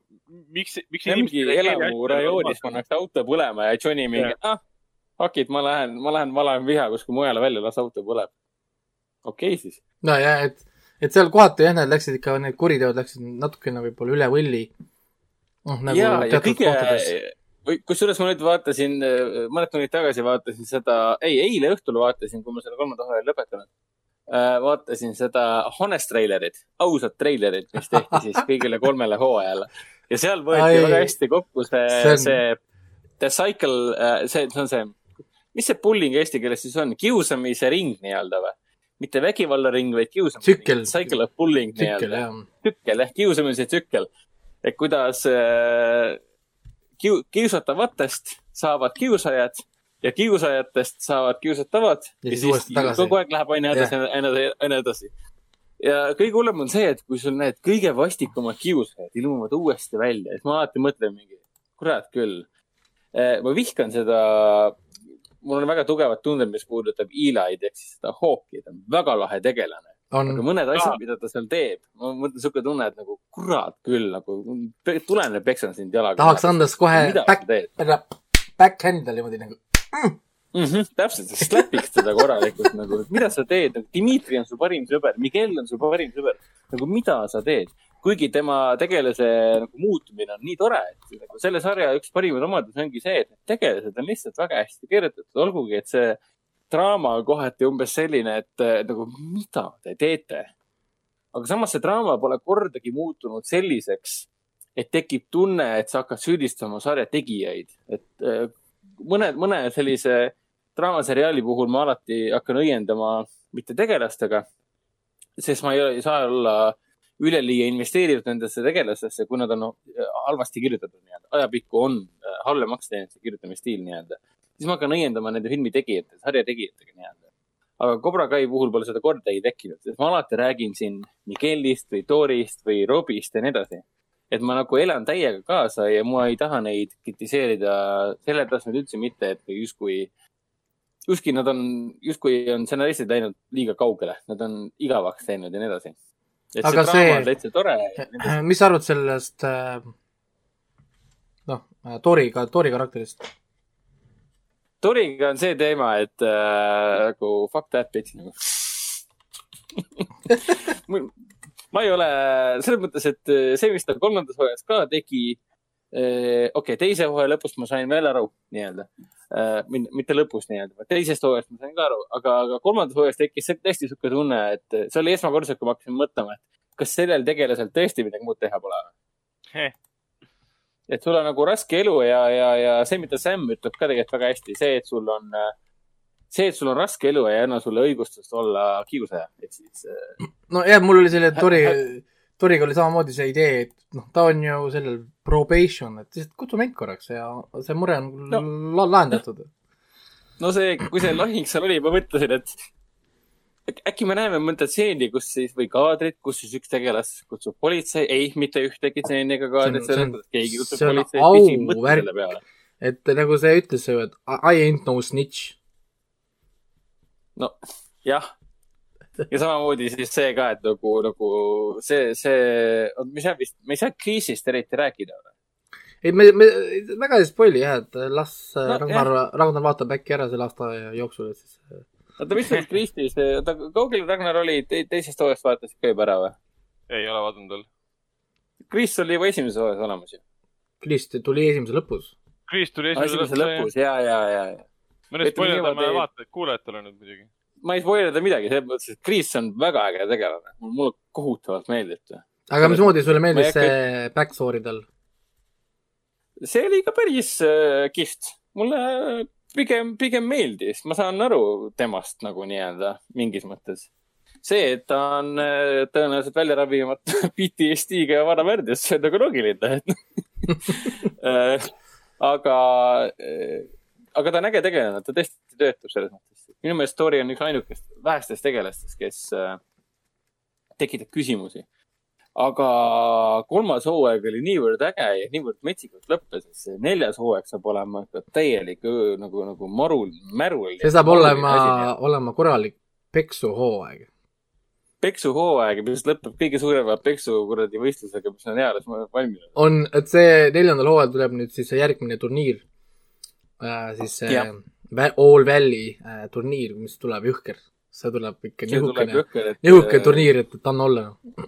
Siin hakkavad, hakatakse kiskuma silmi peast välja ja ma ei tea, kes siin, kes, kes, siin võib hakata juba vaikselt rääkima sellest, et kes hinge heidab, et noh, jah.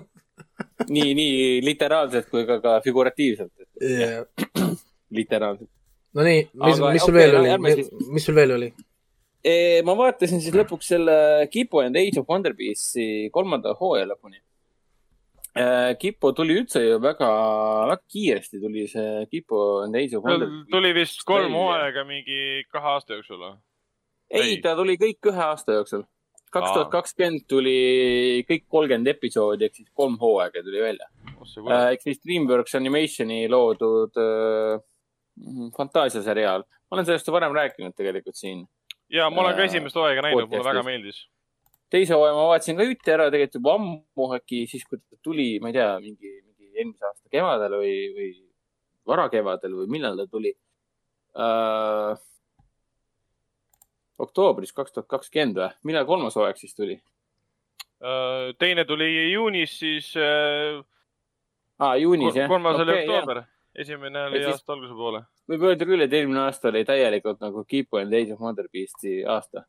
Et see, nagu ma olen varasemalt siin podcast'is öelnud, et ta oli täiega äh,, täiega mõnus seriaal, mis sobib sinna samasse kategooriasse, mis on äh, Legend of Korra ja, ja see Last Airbender nii-öelda. ja väga mõnus tänapäevane seriaal, et siin on ka need LGBT teemad sees, aga ta on üks nendest vähestest äh, sarjadest või filmidest või üldse meediumitest, mis äh, teeb seda, kuidas seda öeldakse, casual LGBT nii-öelda.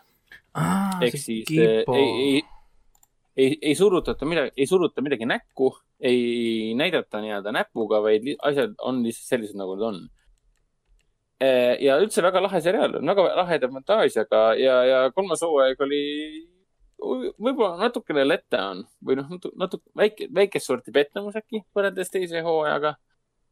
Sest teise hooaja põhiviljana on lihtsalt väga äge, mm, väga ägeda taustaga ja väga traagilise taustaga ja väga traagiline tegelane ka aga kolmas hooaeg oli sellest sõltumata, andis väga kihvti lõpu, sest tuleb välja, et hetkeseisuga järgmisi hooaegu sarjale ei, ei planeerita.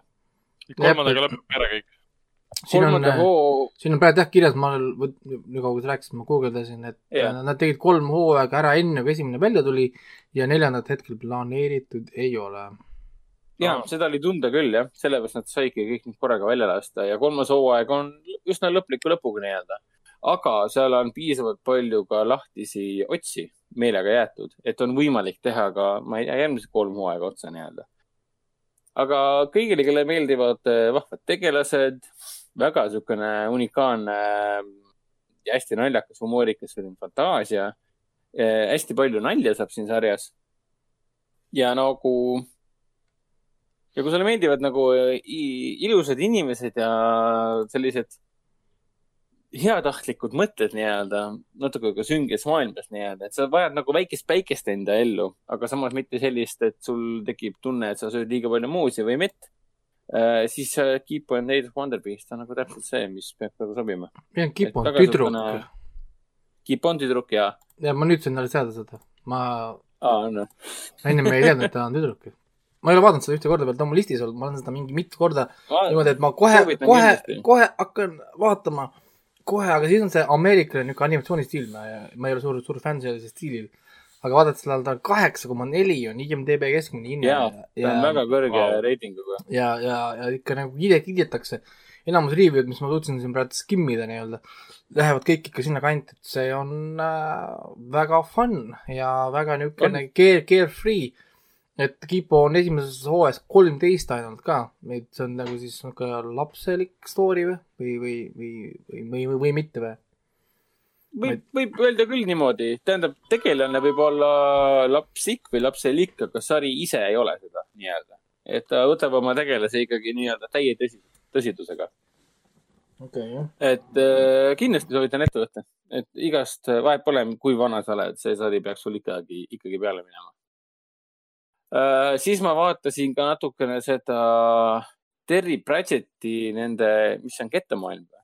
Discworld on vist eesti keeles kettamaailm või? kettamaailma lood, jah. Äh, Terry Pratchetti kettamaailma lugude põhjal on siis valminud uus BBC seriaal äh, nimega The Watch äh,, mis ongi siis selle pank Morpo, Morp, Morporki linna äh, politsei, politsei põhjal tehtud siis äh, seriaal nimega The Watch Äh, mis on siis hästi palju kriitikas puhtalt sellepärast, et ta ei näe üldse sedamoodi välja, et ta võiks olla Terry Pratchetti äh, kettamaailma põhjal tehtud seriaali moodi välja.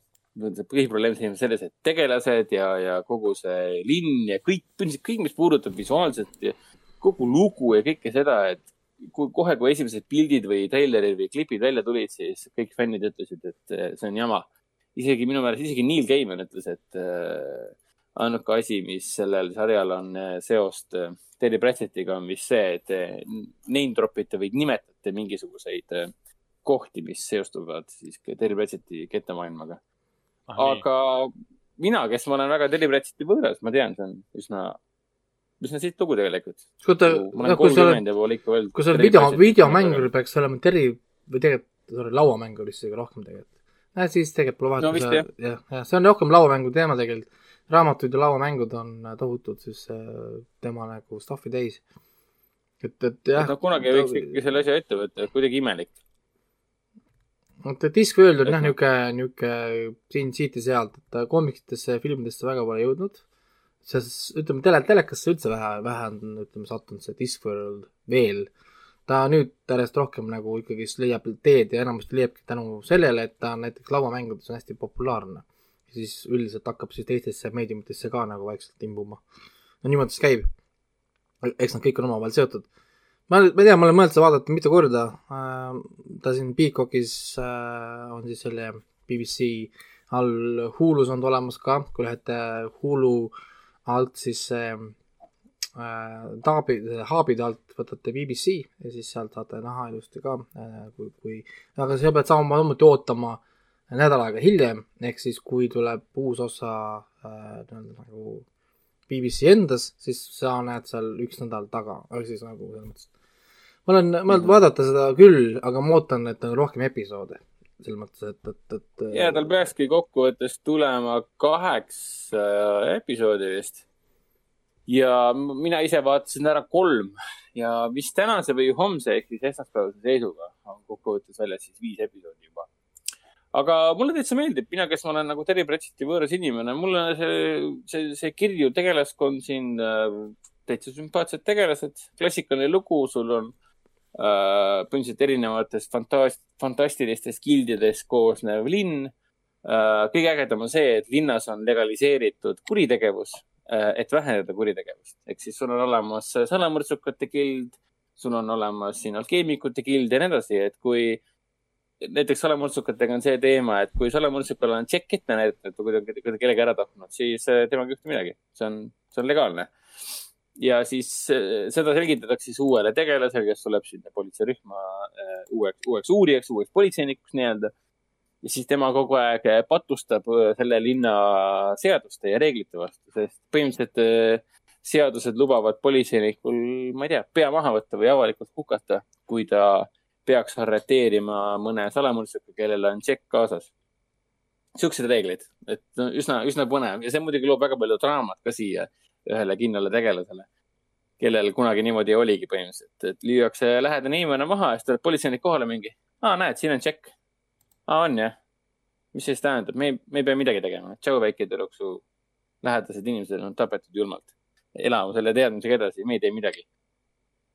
Aga see, mulle kõige rohkem selle sarja juures meeldib see, et peategelane ehk siis Sam Vines ehk siis The Watchi ehk siis selle politseirühma nii-öelda kapten äh, ta on hästi äge Johnny Deppilik tegelane, kes on kogu aeg mingisuguste rämedate aurude all. näeb välja mingi räme gothic punkrokker näeb välja. kogu aeg taurub igast suunast nagu täielik nagu suurlinna, fantastilise suurlinna Johnny Depp nii-öelda. Ehk mitte Johnny Depp, vaid see kuradi Jack Sparrow tahtsin öelda. et põhimõtteliselt, kui, kui Jack Sparrow, kui selline tegelaskuju on, kui sa oled igatsenud näha uuesti midagi sellist, nagu seda oli Jack Sparrow, siis The Watch tegelikult nagu pakub seda. niisugune isepäine tegelane, kes möliseb kogu aeg ja millegist ei hooli ja näeb nägemusi kogu aeg, sest on deliiriumist pidevalt. noh, Richard Tolmer on äge näitleja ka.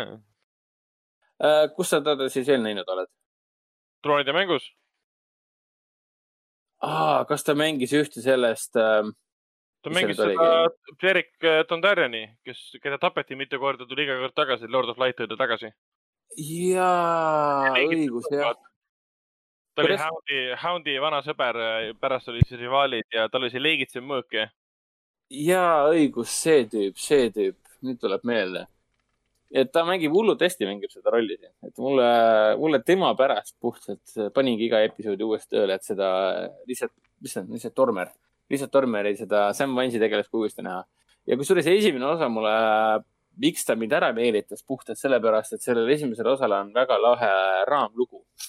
sest üks tegelastest on siin ka tegelane nimega Surm, kes ilmub mõnikord lambistel hetkedel välja ja tuleb ühe tegel-, üks, üks moment oli see, kus ta surm ilmus välja ja tuli ühe tegelase juurde, kes oli hoidmas näppu päästikule, et maha tappa üks tegelane, keda ta südamest vihkas ja siis järsku ilmus surm välja ja vaatas talle otsa mingi. kas sul läheb väga kaua aega, sihuke hästi britilik huumor, kas sul läheb veel väga kaua aega või? sest mul, mul ei ole nagu tervet päeva aega, et oodata, millal ta siin nagu päästikule, vaid et äkki sa nüüd teed ära selle või sa, või mis toimub ja siis tegelane mingi. aga ma vist mõtlesin ümber, ma ei ole kindel. ja siis ta mingi. Tänapäeva maailm nagu kõik mõtlevad kogu aeg ümber nagu inimesed saavad peaaegu surma, siis nad ei saa üldse surma. mida ma siin teen üldse, mul on vaja tööd teha. tapa ta nüüd ära ja tee nüüd, tee nüüd oma eluga midagi. sellist huumorit on päris palju, et mulle see nagu väga meeldib. pluss üks tegelastest on mingisugune suur kivikoletis ka. ma vaatan, et see. pruuti või seda tingi. siukse näitleja nagu Marama Colletti poolt mängitud üks blondide juustega väiksemõõduline naiskarakter tundub hästi huvitava välimusega. ja, ta on äh, hästi väikest kasva jah, ta on üks äh, hästi niisugune karastunud nii-öelda politseinik, kes tegelikult on äh, libohind, sest no. igal äh,, igal sellel äh, täiskojal ta muutub siis raevutsevaks hundiks nii-öelda.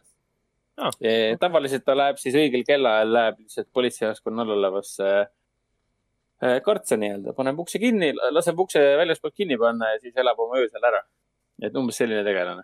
et siin on, enamikel tegelastel on äh, päris huvitavad äh, taustalood, mida siis esimese kolme episoodi jooksul lahati päris kenasti.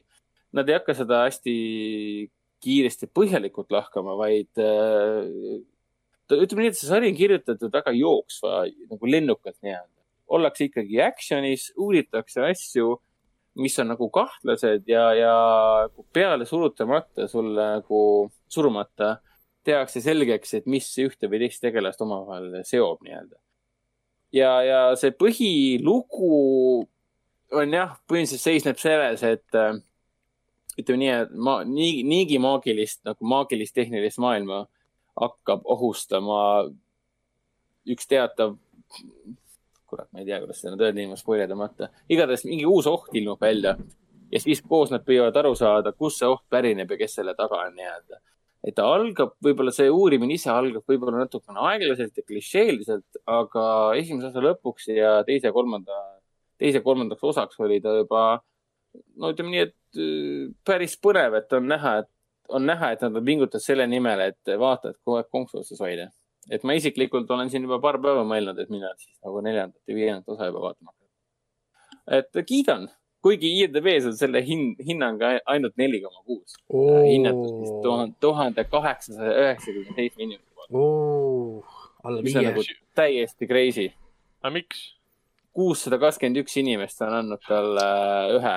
Või Aa, võimalik, et äh, fännid tõenäoliselt jah, need äh, Discordi Jah, fännid, nende mõistes Jah, on, on tehtud äh, liiga algmaterjalile ja no seesama, mis Okei. sellega juhtus selle Bridgertoniga, vaata Netflixis, et Jaa. mina alg, algmaterjaliga tuttav, mind see ei häirinud absoluutselt, onju, aga need, kes oli alg, algmaterjaliga tuttavad, leidsid, et, et on tehtud liiga. okei, no okei. mis on ka ab absurdne, sorry, sorry väljenduse pärast, aga absurdne pask. kuidas sa hindad, see on see vana asi, et miks sa, miks sa lähed hindama midagi, mida sa näinud pole. miks sa lähed viskama, vihkama midagi, mida sa näinud? milleks see, milleks see vajalik on? aga noh, see on vist juba nii ammendunud teema, et keegi, keegi ei jaksa sel teemal enam rääkida. no nii, pane edasi, räägi nüüd mulle kiiresti nii äh, äh,. poisi teine hooaeg. The Boys'ist, eks me oleme siin palju rääkinud, aga ma märkasin, et eelmises episoodis me ei, üldse ei maininud seda. mainiks nii palju, et äh, jah, see on, hästi lühidalt võtan kokku, et Boys on nagu parim.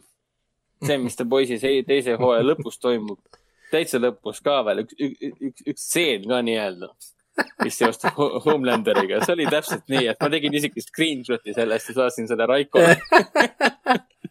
vennale ma ei saanud seda saata, sest see on see spoiler on. spoiler jah, alguses Aga-, kusjuures ma alguses mõtlesin, et saatis selle äh, meie selles kino Jaa. chat'is, ma ütlesin talle kohe, kuule, kutsute ära, Ragnar muidu näeb. Ja siis Raiko, äh, Raiko läks endast välja kohe. aga ei praegu ma olen nii. väga palju näinud seda, et, et koomiksites olevat mingi Hero Gasmi teema ja et siis selles kolmandas hooaja, hooajas kindlasti tehakse üks episood, mis keskendubki Hero Gasmile. ma ei tea, mis see tähendab täpselt, aga ma saan sellest nimest aru. ma ka ei tea ja ma, ma ei taha uurida ka, sest need komiksid on ju olemas ja kui ma hakkan neid koomikseid nüüd uurima, see tähendab automaatselt spoilerit. on ja ma võin nii palju öelda, ma lugesin natukene neid ka ja need on ai, kõvasti verisemad ja mustemad kui seriaal. nii et see peaks andma teile vihje, mis seal ees ootab, kui komiksid lugeda. vau, kõvasti verisemad ja mustemad. see on küll veidi üllatav. nii et äh, jah, tegelikult seriaalid on äh, öeldakse nagu kergem versioon või light version siis. Nice. ma ootan seda, ma ei tea, millal kolmas hooaeg tuleb siis? selle aasta sügisel. Oh my god. äkki ei oleks, äkki Jah. oleks pidanud no seda ongi praegu ära, vaatama. ongi ja siis saad mingi kümme närust või kaheksa või seitse närust episoodi ainult. no ongi kõik. No siis tuleb endal ikka reegel teha, et tuleb kord nädalas vaadata. teinekord on see hea, et sa pead muidu liiga kaua ootama järgmist hooaega. kord nädalas ja vahepeal teed selle mid-season pausi ka endale. ja mingi pool aastat. jah, ootad lihtsalt jaanuari või veebruari alguseni ja siis uuesti järgmise, järgmist poolt vaadata nii-öelda. no nii, räägi nüüd kohe see kolmkümmend münti, esimene hooaeg kolmkümmend. münti, sa vaatasid ära, Reiko? mul on viimane, viimane osa vaatamata endiselt. aa, okei okay.. Vaatasin ka siis ära. ma pean nüüd guugeldama, kas tuleb teine hooaeg või mitte. sellepärast, et viimane osa on küll umbes niimoodi, et nagu okei okay., nüüd alles läheb rock n rolliks nii-öelda. kui me mõtlesime, et rock n roll juba käib, siis viimane osa andis mõista, et rock n roll alles algab. no ma olen päris No kindel, et selline- sellel tuleb teine hooaeg, sest ma just nägin mingit tabelit, kus ta oli päris tipus oma vaatajanumbritega. ta oli eri Mhm., eriti populaarne Põhja-Ameerikas ehk siis Kanadas ja USA-s.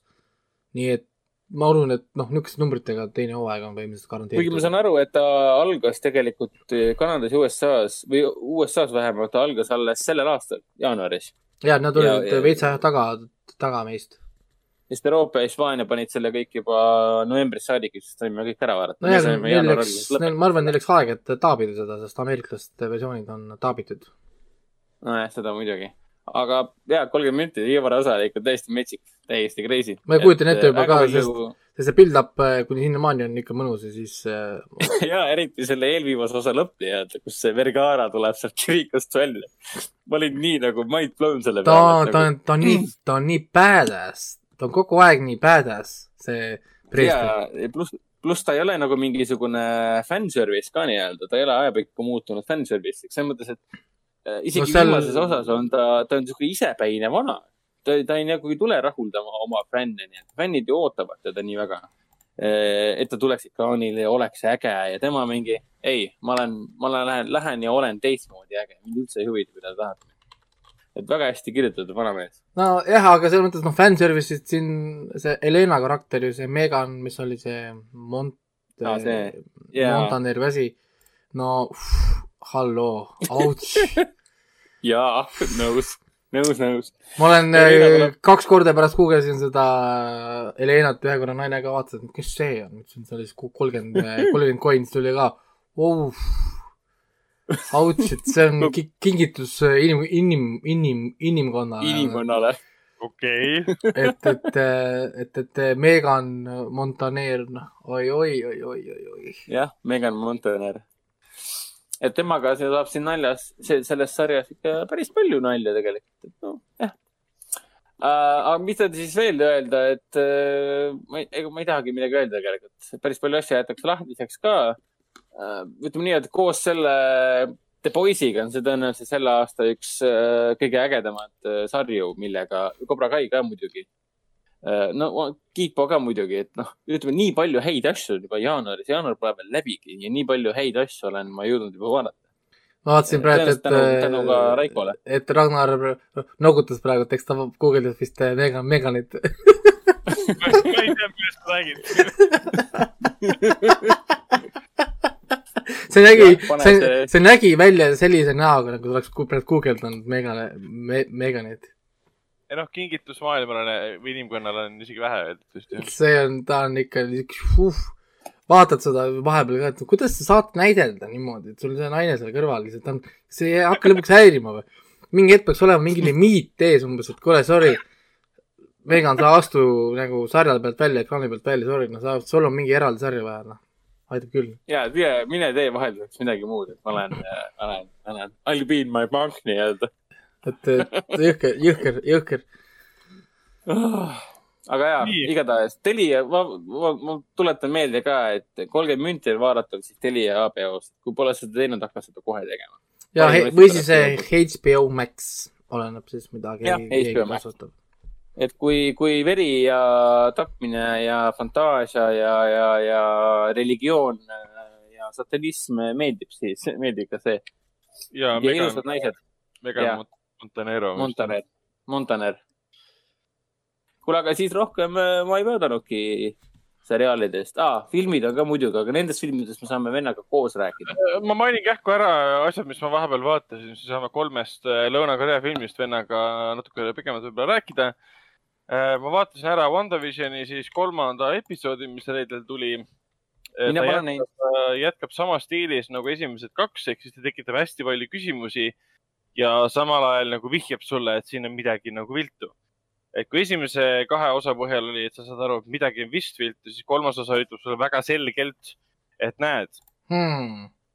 siin on väga selged asjad toimumas, et sa ei pea enam väga arvama, mis toimub, sa juba näed, mis toimub. et Äh, äh, kas, kas siin pakutakse ka teooriaid, mis, mis, mis võiks olla? No kui ma hakkan praegu teooriaid muidugi mainima, siis, siis see võib väga spoilerdada, aga, aga need teooriad põhinevad juba tegelikult esimesel kahel hooajal.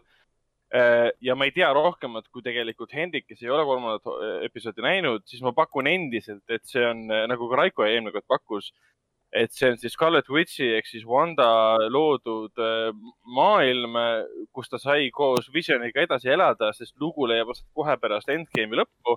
me teame, et noh, Endgame'is äh, mängiti küll ajaga, aga Visionit tagasi tuua ei saanud, tema on nüüd surnud. ehk siis äh, ma usun, et ta on pandud kellegi või millegi poolt siiski kuskile luku taha. aga ta on selle maailma täitnud omaenda iha ja sooviga elada koos Visioniga turvalises keskkonnas. sest me ju näeme, et see kõik ei, ei, ei püsi koos, midagi on kuskilt kogu aeg murenemas, inimesed käituvad veidralt, keegi vaatab imelikult. ehk siis ta ongi nagu see Jim Carrey, see äh, noh, mis see film oli nüüd, kus ta on telesaates kinni. issand, issand, mul on ka tõmbas kinni. ma ei pea guugeldama, ma tean seda ju. T-tähega ei olnud või? T-tähega. oota, Peter Weir lavastas, Jim Carrey, Ed Harris, Truman's. Truman, ikka. Truman, jah, ikkagi, ma tahtsin öelda Trump kogu aeg, kuradi Trump oli. Trump Show, Trumani Show, aga mulle, mulle väga meeldib, ta on endiselt äh, tema suurim äh, väärtus seisneb selles, et ta teeb midagi teistsugust. Et kui see oleks olnud lihtsalt äh, Wa- Wa- Wanda ja siis Visioni seiklused äh, post-endgame maailmas, kus nad jooksevad ringi, kasutavad oma võimeid, päästavad inimesi ja maailmu, see oleks igav sest me teame, et Vision äh, on võitmatu põhimõtteliselt, ta on jumal, ta Ta on, on ta on Superman, ta on nagu Thorgi, lihtsalt jumal. Jah. ta on võimsam kui Superman põhimõtteliselt. kui ta liigub mateeriast läbi põhimõtteliselt, ta on nagu kummitus ja füüsiline inimene samal ajal. Aga väga hea on seda, et teid ei näinud, sest me oleme näinud seda kõike juba. aga praegu ta on niisugune huvitav ja niisugune, niisugune teistmoodi ja On- kogu aeg vaatate, ja siin oh ma ei, kurat, ma ei saa uh,. sa ei saa spoil-, Uh, ma korra mõtlen nüüd korraks uh,, kas ma, no nii, kurat, see on väga libe tee uh,. aga põhimõtteliselt siin saab nii palju öelda, et see on ikka jõhker intro praegu. WandaVision on ja. väga tugev intro järgmisesse etappi ja oota korraks, kui ja seal hmm, uh, uh, siin on üllatusi, väga suuri üllatusi tuleb, onju, ja üks üllatus on eriti mind blown. kuhu MCU Mm. läheb? ahah.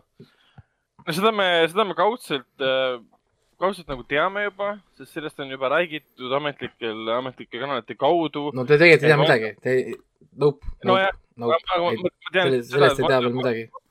et WandaVision seostub ametlikult äh, Doctor Strange äh,, see oli, In the Mount of Madness või mis selle filmi nimi oli, järgmine, In the järgmine, multiverse of madness. jah, ei ta seostub, me teame ametlikult seda, et seostub sellega, aga me ei tea, kuidas ja, ja, ja kelle või mille kaudu.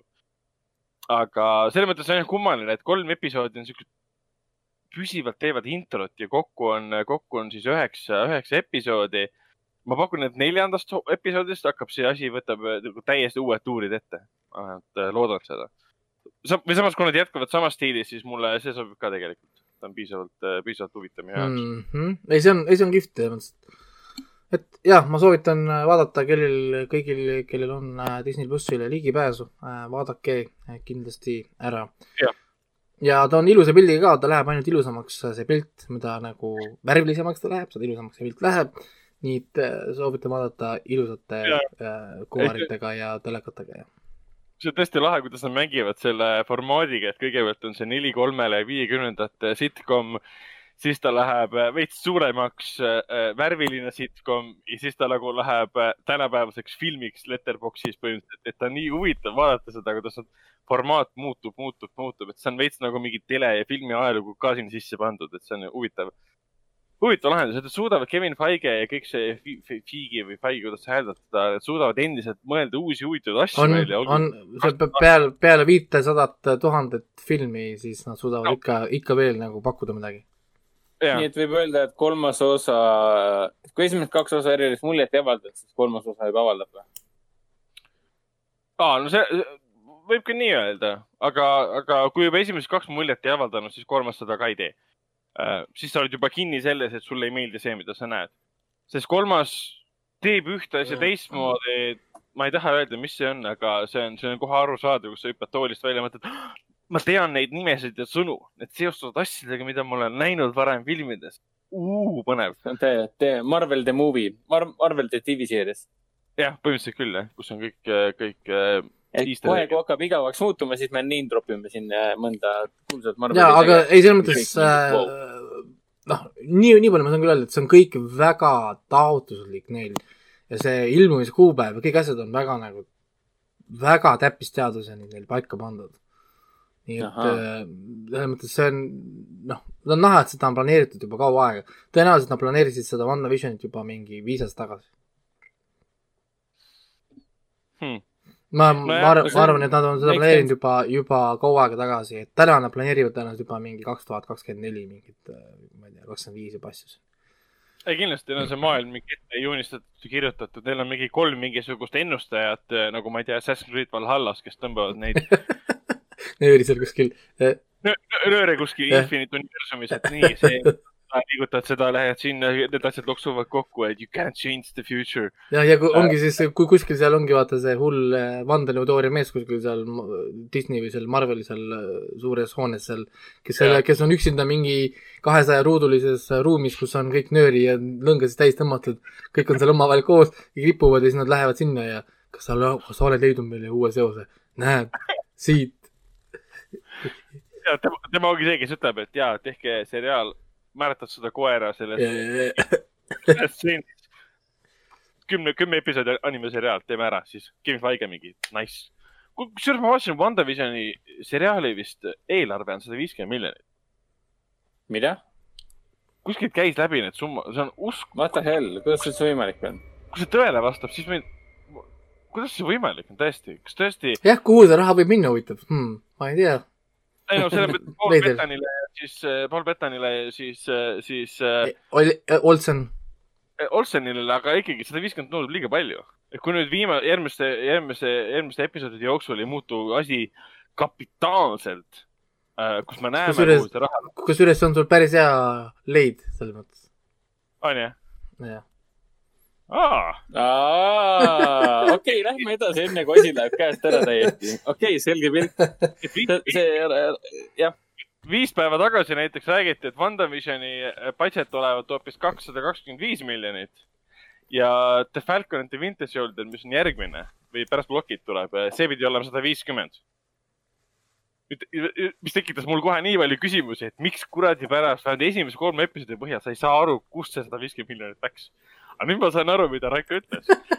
siis see vihjab, et midagi hakkab siin se- seriaalis toimuma ja see läheb täiesti selliseks, et sa vaatad, aa, sinna läks see raha vot, aga ma tegin siis äh, ühe filmiõhtu, mis on fantastiline filmiõhtu, eriti kui sa võtad ette sellised filmid nagu One Night in Miami, Uh, Uncle Frank ja Sound of Metal. kõik on olemas, Amazon Prime videos Eestis ja ma vaatasin neid tõesti kõik kolm filmi järjest, alustasin kuskil kell kaheksa, lõpetasin kell üks. Täiesti ideaalsed filmid, mida järjest vaadata. on, on, selles mõttes, et äh, kui see, mina vaatasin selles järjekorras, et kõigepealt oli Uncle Frank, siis oli One Night in Miami, siis Sound of Metal. minu arust see oli perfektne järjekord ka. jah. Uncle Frank on tõesti eelmise aasta üks parimaid filme. see on, see tuli ikka eelmisest aastast välja ja jah, ma, ma olen selle tagantjärgi nõus, see on üks parimaid filme.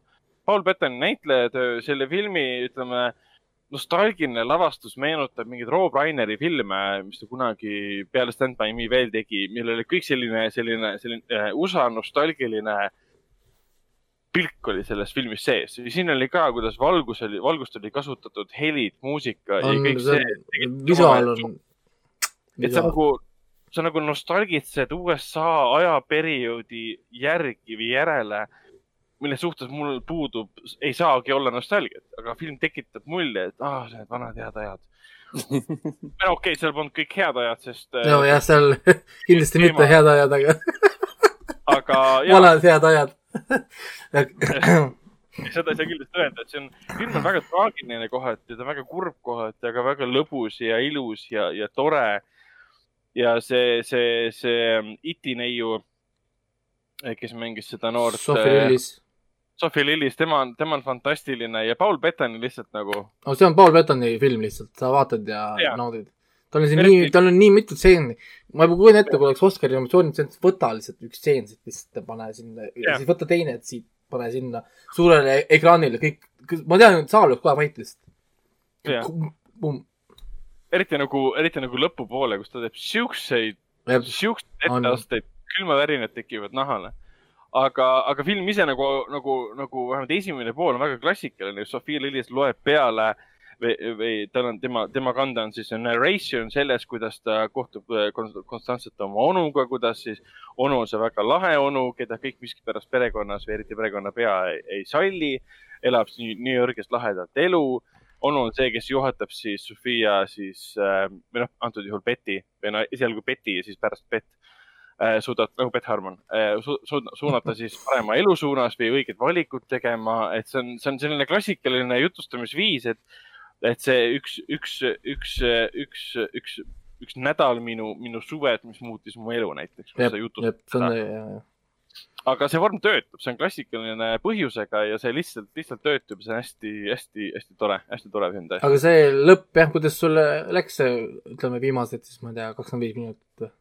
ei, ta oli hästi kurb ja, ja, ja traagiline ja selle koha pealt, et ma, noh, ma, ma ei arvanud, et see üks asi, mis ma arvasin, et võib juhtuda, juhtub. et, et kui see oleks juhtunud, siis ma oleksin väga-väga üllatunud olnud, aga ma kuidagi aimasin, et see ei ole selline film. siin ei saa, et see lugu ei saa minna niimoodi, et, et see, et, et Paul Bettani karakter ei saagi üle sellest äh, lapsepõlves minevikus toimunust äh,. ma teadsin, et see võib juhtuda äh,.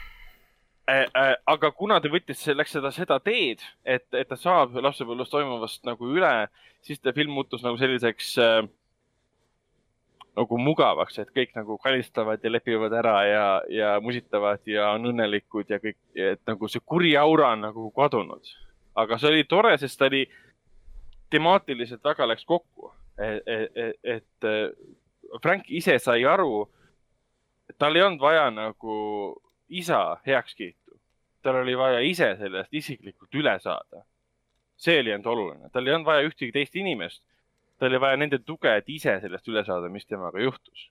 ja kui ta sellest lõpuks aru sai, siis ta sai aru ja mina sain ka tegelikult aru, et keegi teine perekonnas ei olnud tema suhtes ju negatiivne, kõik tahtsid, et ta oleks nendega koos. noh, varasemalt oli see võib-olla keeruline. Et selles, selles suhtes ja, et emba-kumba, kui ta, kui ta oleks lõppenud traagiliselt, siis see oleks olnud väga-väga üllatav, ma oleks mõelnud, issand jumal, mida te tegite. aga ma teadsin, et see ei ole selline film, et see ei saa niimoodi lõppeda. ei no jah, selles mõttes, et ta õnneks nagu vihjas või jah, ütleme, et mul, mul oli, mul oli sama idee, et noh, ta, et ta, et ta ei lähe sinna, et ta õnneks Jah. ikka ei lähe. aga ja, tõesti, väga hea elamus ja teine oli väga hea elamus oli siis äh, Regina Kingi, kes mängis Watchmenis äh, lavastatud tema debüütfilm One Night in Miami, kus siis äh, Sam Cooke, Cassius Clay, Malcolm X, Jim Brown äh,, kes see veel oli? ongi kõik. ah,, Mohammed, ah, Cassius Clay ma mainisin jah, Malcolm X, Mohammed Ali ehk siis Cassius Clay, Jim Brown ja Sam Cooke saavad ühel õhtul siis kuuekümne, mis see oli, kolmanda aasta siis äh, Miami's kokku ühes sellises pool, poolnäruses hotellis äh, pärast, pärast seda, kui meil on filmi alguses näidatud äh, nende nii-öelda elusid. poksimatši vist oli tal just võitnud või? jah, jah, et meil on, meil on Ameerika jalgpallur, meil on maailmakuulus poksija, meil on laulja, miks, saavad kokku ja hakkavad siis omavahel erinevatel motiividel siis muidugi aru saama sellest, mis on nende roll sellises mustas ühiskonnas või mustas kultuuris, mustas revolutsioonis, mida peaksime meie nagu tegema, et meie inimeste elu oleks parem. ja, ja väga ilus film, väga, väga äge film, väga võimas film, hästi kirjutatud. esialgu ta tundus mulle, et ta on nagu tõesti, kuna ta on näidendil põhinev, ta mõjuski kohati nagu näidend. kui nad esimest korda hotellis kokku said, hakkasid omavahel nagu rääkima, et ta oli lavastatud nagu näidend, siis kaamera väga ei liikunud, rohkem nägime nagu tegelaste liikumist sügavustes, kaadri sügavuses. ja, ja see, kuidas nagu vestlus liikus ka, et me nägime, et noh, tundus mitte, mitte nagu igav, vaid et hästi piiratud justkui. aga siis, kui nad läksid, läksid katusele, siis film võttis täiesti uue nagu äh, kannapöörde. ja asi, põhjus ei olnud selles, et tegelased kuskile nagu eemale läksid, välja läksid, vaid me saime aru Malcolm X-i ja siis Cassius Clay tegelikest motiividest, miks nad kokku said, miks nad äh, suruvad peale seda näiteks Sam Cookile, lauljale, et, et ta peaks rohkem laulma sellest äh, struggle'ist ehk siis, ma ei tea, mis see, kuidas sa eesti keeles seda ütled, sellisest äh, Ra-, ma ei tea, rabelemisest. jah, ja, ja, ja kõige minu arust äh, lahedam või noh, võimsam koht selle filmi juures oli jah see, kus Malcolm X lasi seda Blowing äh, in the wind äh, Bob Dylani poolt. ja siis Sam Cooke kuulab seda ja pärast me saame teada, mis ta sellest loost tegelikult arvab ja et ta on niisugune power to the people film, ta on selline black power film, puhas ja ma saan aru, miks seda filmi täiesti armastatakse. noh, konflikte siin siiski jagus, aga need põhilised konfliktid seisnesid ikkagi, oligi üle ehitatud, üles ehitatud äh, põhikolmiku vahel oli Cassius Clay ehk siis Muhamed Ali, Sam Cooke ja siis Malcolm X. teised olid siuksed toetavad äh, malendid, ütleme niimoodi, aga see põhiline selline vä- väga kuumaks muutunud, kuumaks on, pingeliseks muutunud äh, konflikt oli jah, nende, nende siis kolme vahel. aga ja, mulle, mulle tõesti istus ja, ja, ja teda oli väga huvitav jälgida. eriti noh, see lõpuosa oli minu arust äh, selles mõttes oli natuke segav, et ma pidin hakkama guugeldama Sam Cooke'i, kes ju. ja on ja mul oli samamoodi, pidin guugeldama mis värk on. et mis nende nagu saatused ka on ja siis ma vaatan, et aa, Jim Barron on elus siiamaani. kus see kurat uh. ja Cassius Clay, ma teadsin, et millest seda suri. ma ei teadnud, et Sam Cooke suri nii, nagu ta suri, ma ei ütle ära, mis see oli uh,. Malcolm X-i kohta ma teadsin, kuidas ta suri. siis ma vaatasin, et see lugu leiab kuuskümmend kolm aset uh,. ehk siis Martin Luther King tapeti, mis ta oli siis, viis aastat hiljem vist või?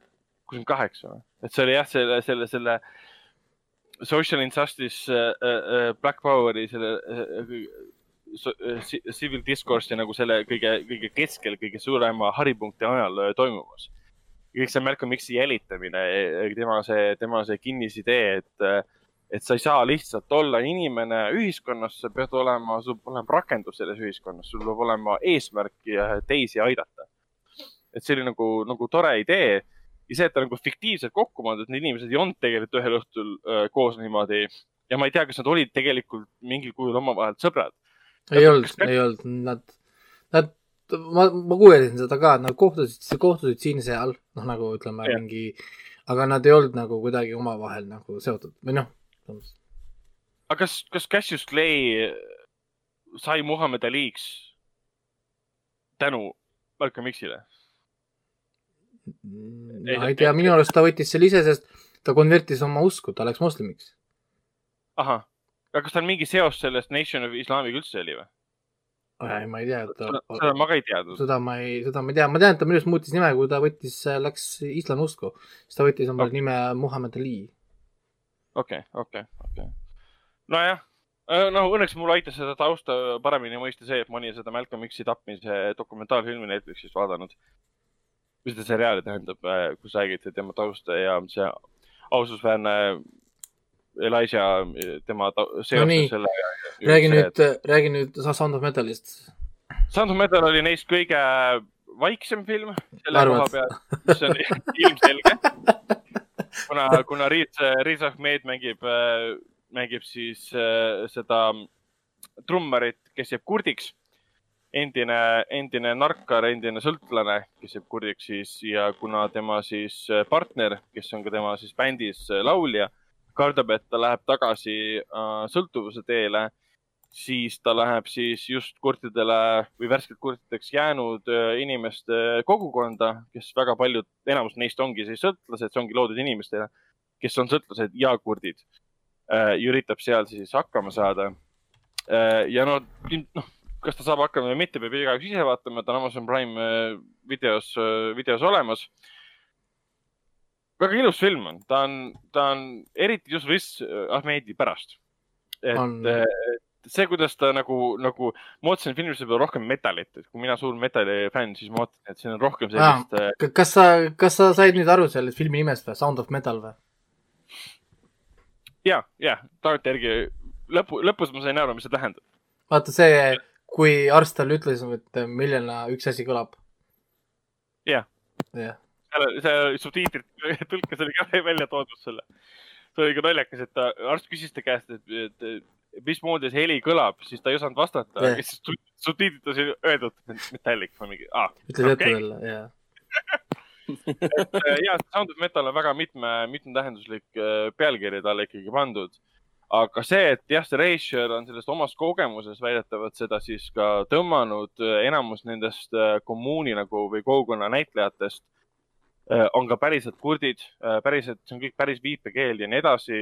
Ahmed ise õppis ka viipekeele nagu kaudselt selgeks, et nii palju kui vaja oli.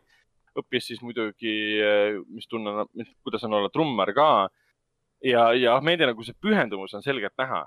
mina teadsin teda varasemalt ikkagi siin äh, mõne üksiku seriaali või siis selle Rogue One'i järgi. Aga siin ma näen, et issand jumal, kus, see on ju nii äge näitleja, ta on nii, nii võimas, eriti oma selles äh, blond- imelikus, ma ei tea, frosted tips äh, soenguga või kuidas sa nimetad seda, tätoveeritud kehaga ja see, kuidas ta seal hommikul mingit imelikku rohelist äh, jama endale näost sisse ajab, üritab hästi tervislik olla ja siis tema, tema elule võtab täiesti uue, uue pöörde ja, ja, ja see lõpp, oli, minu arust ta lõ- lõppes ideaalselt. Ta pidigi niimoodi lõppema. jah, See oli lugu-, see oli ainuke viis, kuidas ta sai lõppeda, selles mõttes see film. ja, sest film ei ole, ei ole sellest, et, et sa jääd kurdiks ja saad sellest üle. see film ei ole sellest, et su elu muutub ja sa muudad, muudad selle elu tagasi, mis sul enne oli. see film on lihtsalt oma elu muutmisest ja edasiliikumisest, sest ilmselgelt näed, see punkt, kus nad olid koos äh, äh, bändi siis lauljaga ja tüdruksõbraga, see ei olnud see, mis oleks viinud tulevikku. see, see, see kurdiks jäämine oli lihtsalt üks peatükk, mis aitas neil edasi liikuda. ja see oli täiesti, ma sain temast täiesti aru, kui ta lõpus võttis selle otsuse vastu. ja ma sain täiesti aru, kui ta võttis selle teise otsuse vastu, mis puudutas kuulmist. sest äh, oli näha, et tema sõltuvus põhineski tihtipeale selles, selles lärmis tema ümber, ta tahtis ju vaata kogu aeg midagi teha, midagi parandada, midagi askeldada ja, ja üleval olla ja kõik kogu aeg midagi No, kuskil et- külge panna. ei no see oli seesama ju, mis talle anti see ülesanne seal ju koolis, kurtide koolis, et äh, learn to be, learn to be deaf. täpselt, kas sa suudad lihtsalt olla rahulikult ühe koha peal ja kirjutada ja, ja, ja mõelda, ilma et sa peaksid kogu aeg midagi kuskil tegema, kellegagi rääkima ja mingeid aineid tarbima, et sa suudaksid asju edasi teha. mismoodi sulle selle, see sound režiim meeldis? väga, minu arust see oli, ütleme väga, mul vajaks isegi paremaid kõlareid ja bassi, et seda paremini isegi nautida, ma tahaks seda kinos vaadata. sest äh, eriti, eriti ta muutus nii harjumuspäraseks, kui ta sai, ütleme, hakkas uuesti maailma siis tajuma. et et kui ta kurdiks muutus, mul korraks oli jah see, et issand, kas mu kõlarid läksid katki või midagi, see heli läks välja, et see oli, see oli, ta kohati meenutas Whiplashi heli režiid kuna Whiplashis oli ka kõik väga tihtipeale muusika ja helidega seotud ja eriti see, kuidas sa tajud muusikat ja heli, kuidas tegelane tajub muusikat ja heli. ja ta võttis ka vaatajalt, kui võttis minut selle võimaluse seda, seda, seda maailma päriselt niimoodi tajuda. ja, ja see oli tõesti, ta oli selline sensoor, sensoorseks elamuseks lausa muutis tänu sellele heli, heli, helirežiile. vot, aga äh, jah, tõesti kolm suurepärast filmi, mida tasub tõesti kas või uuesti mitte uuesti, aga niimoodi järjest vaadata. on, on, need on tõenäoliselt kõik au- auhinnafilmid ka, mis nüüd ma- auhinnahooajal hakkavad äh, tulema ühel või teisel viisil esile niikuinii. kahjuks lood-, kahjuks onkul Frank on olnud nii vähe ennustustes, aga ma usun, et ta kuskilt ikka tuleb läbi. nojah, kui üks kolmest, kolmest filmist kindlasti One Night in Miami hakkab igal pool figureerima. vot, aga ma mainin veel ära, et ma vaatasin äh, Netflixis lõpuni siis Night Stalker The Hunt for a Serial Killer, väga haige ja vastik äh, dokumentaalseriaal siis äh, Edgar Ramirez'est või Richard Ramirez'est, kes tappis inimesi. mis sa naerad? Edgar Ramirez, Nimi. see on üks näitleja ju. jah, no kõik on Ramirez'id seal ja siis ma vaatasin ära see uue Wow. filmi Crack uh,, Cocaine, Corruption and Conspiracy, mis põhimõtteliselt võtab kokku uh, see, mida sa leiad kuskilt Vikipeediast ja avalikest uh, kanalitest uh,, kuidas kaheksakümnendatel kokaiin ja sellest omakorda crack jõudsid siis uh, LA-sse, mida see tegi uh, LA-ga musta kogukonnaga, mis tagajärjed sellel omakorda olid. see oli päris, päris võimas ülevaade, kuidas endised narkarid ja endised tüübid räägivad ja et ma ja, ma müüsin crack'i nii palju päevas, et mul käis kolm miljonit dollarit päevas läbi ja ma sain kolmsada tuhat sellest endale ja noored poisid said ülirikasteks, ostsid, ostsid endale uusi ketse ja autosid ja lõpuks ostsid hästi palju endale relvi ja iga päev tapeti sada inimest ja inimesed ei julgenud õue minna ja see oli päris, päris võimas vaatepilt ja kuidas see kõik poli- politiseeriti muidugi. ja pärast siis tuli kõik välja, et mingi, Reagani valitsus lihtsalt vastutas selle eest, kõik see kokaiin üldse ähm, LA-sse, Californiasse jõudis. See oli, noh, enamus inimesi taht- tahtsid nagu hiljem teada, et kuidas ku,, kust kohast tuli kokaiin USA-sse. ja siis mingi CIA kaudu nagu lekkis ja Reagani valitsuse kaudu see lekkis, et ja, ja Reagan põhimõtteliselt nagu otsustas, kuna neil oli vaja kukutada üks, üks, üks Kesk-Ameerikas siis valitsus, pigistasid silmad kinni, et äh, nagu toome relvi teile ja teie võite teha, mis tahate ja mida nad tegid, oli kokaiini vedamine USA-sse. ja sellega teeniti räigelt palju raha ja pärast kogu põlvkond oli sellest täiesti, täiesti nagu vigaseks äh, muudetud. jah, vot, aga üks huvitav statistika, mida seal välja toodi muidugi oli see, et, et äh, kui, kui Clinton äh, võttis vastu selle, oli vist Clinton, Clintoni ajal, võeti vastu siis seadus äh, nelja nädalaga, mida tavaliselt seadused võetakse vastu kahe aastaga, seal võeti nelja nädalaga seadus vastu, kus siis äh, ühe grammi kokaiini eest võidi sind neli kuni nelikümmend aastat kinni panna. samamoodi, kui sul oli kaks kilo kokaiini ka neli kuni nelikümmend aastat kinni panna. ja siis pärast tehti statistika, et nende, nende mingi, mingi viie-kuue aasta jooksul, mis selle seaduse alusel inimesi kinni võeti, nendest mingi üheksakümmend üheksa protsenti olid mustanahalised, kes pandi kõik kinni uh,. Ja samal ajal siis öeldi, aga, aga viiskümmend protsenti või nelikümmend protsenti kasutajatest, kes ostsid, olid valged ja neid kunagi kinni ei pandud. ja kui sa vaatasid neid videomaterjale ka, kus tehti neid suuri crime sweep'e umbes niimoodi, sa vaatasid ja videos oli kogu aeg näha valged kliendid, kes võeti kõik kinni. aga nemad lasti siis nagu kergematel alustel vabaks kui, kui mustanahalised. ja ma, mäletan ka, ma isegi vaatasin seda eh, episoodi. Nad jätsid sujuvalt mainimata, et enam mustanahalised olid repeat offenders. seda ka, seda ka. jah, ehk siis aga- enamus valged saati kätte, kes olid eh, first offenders. First offender'id saavadki vähem kui repeat offenders.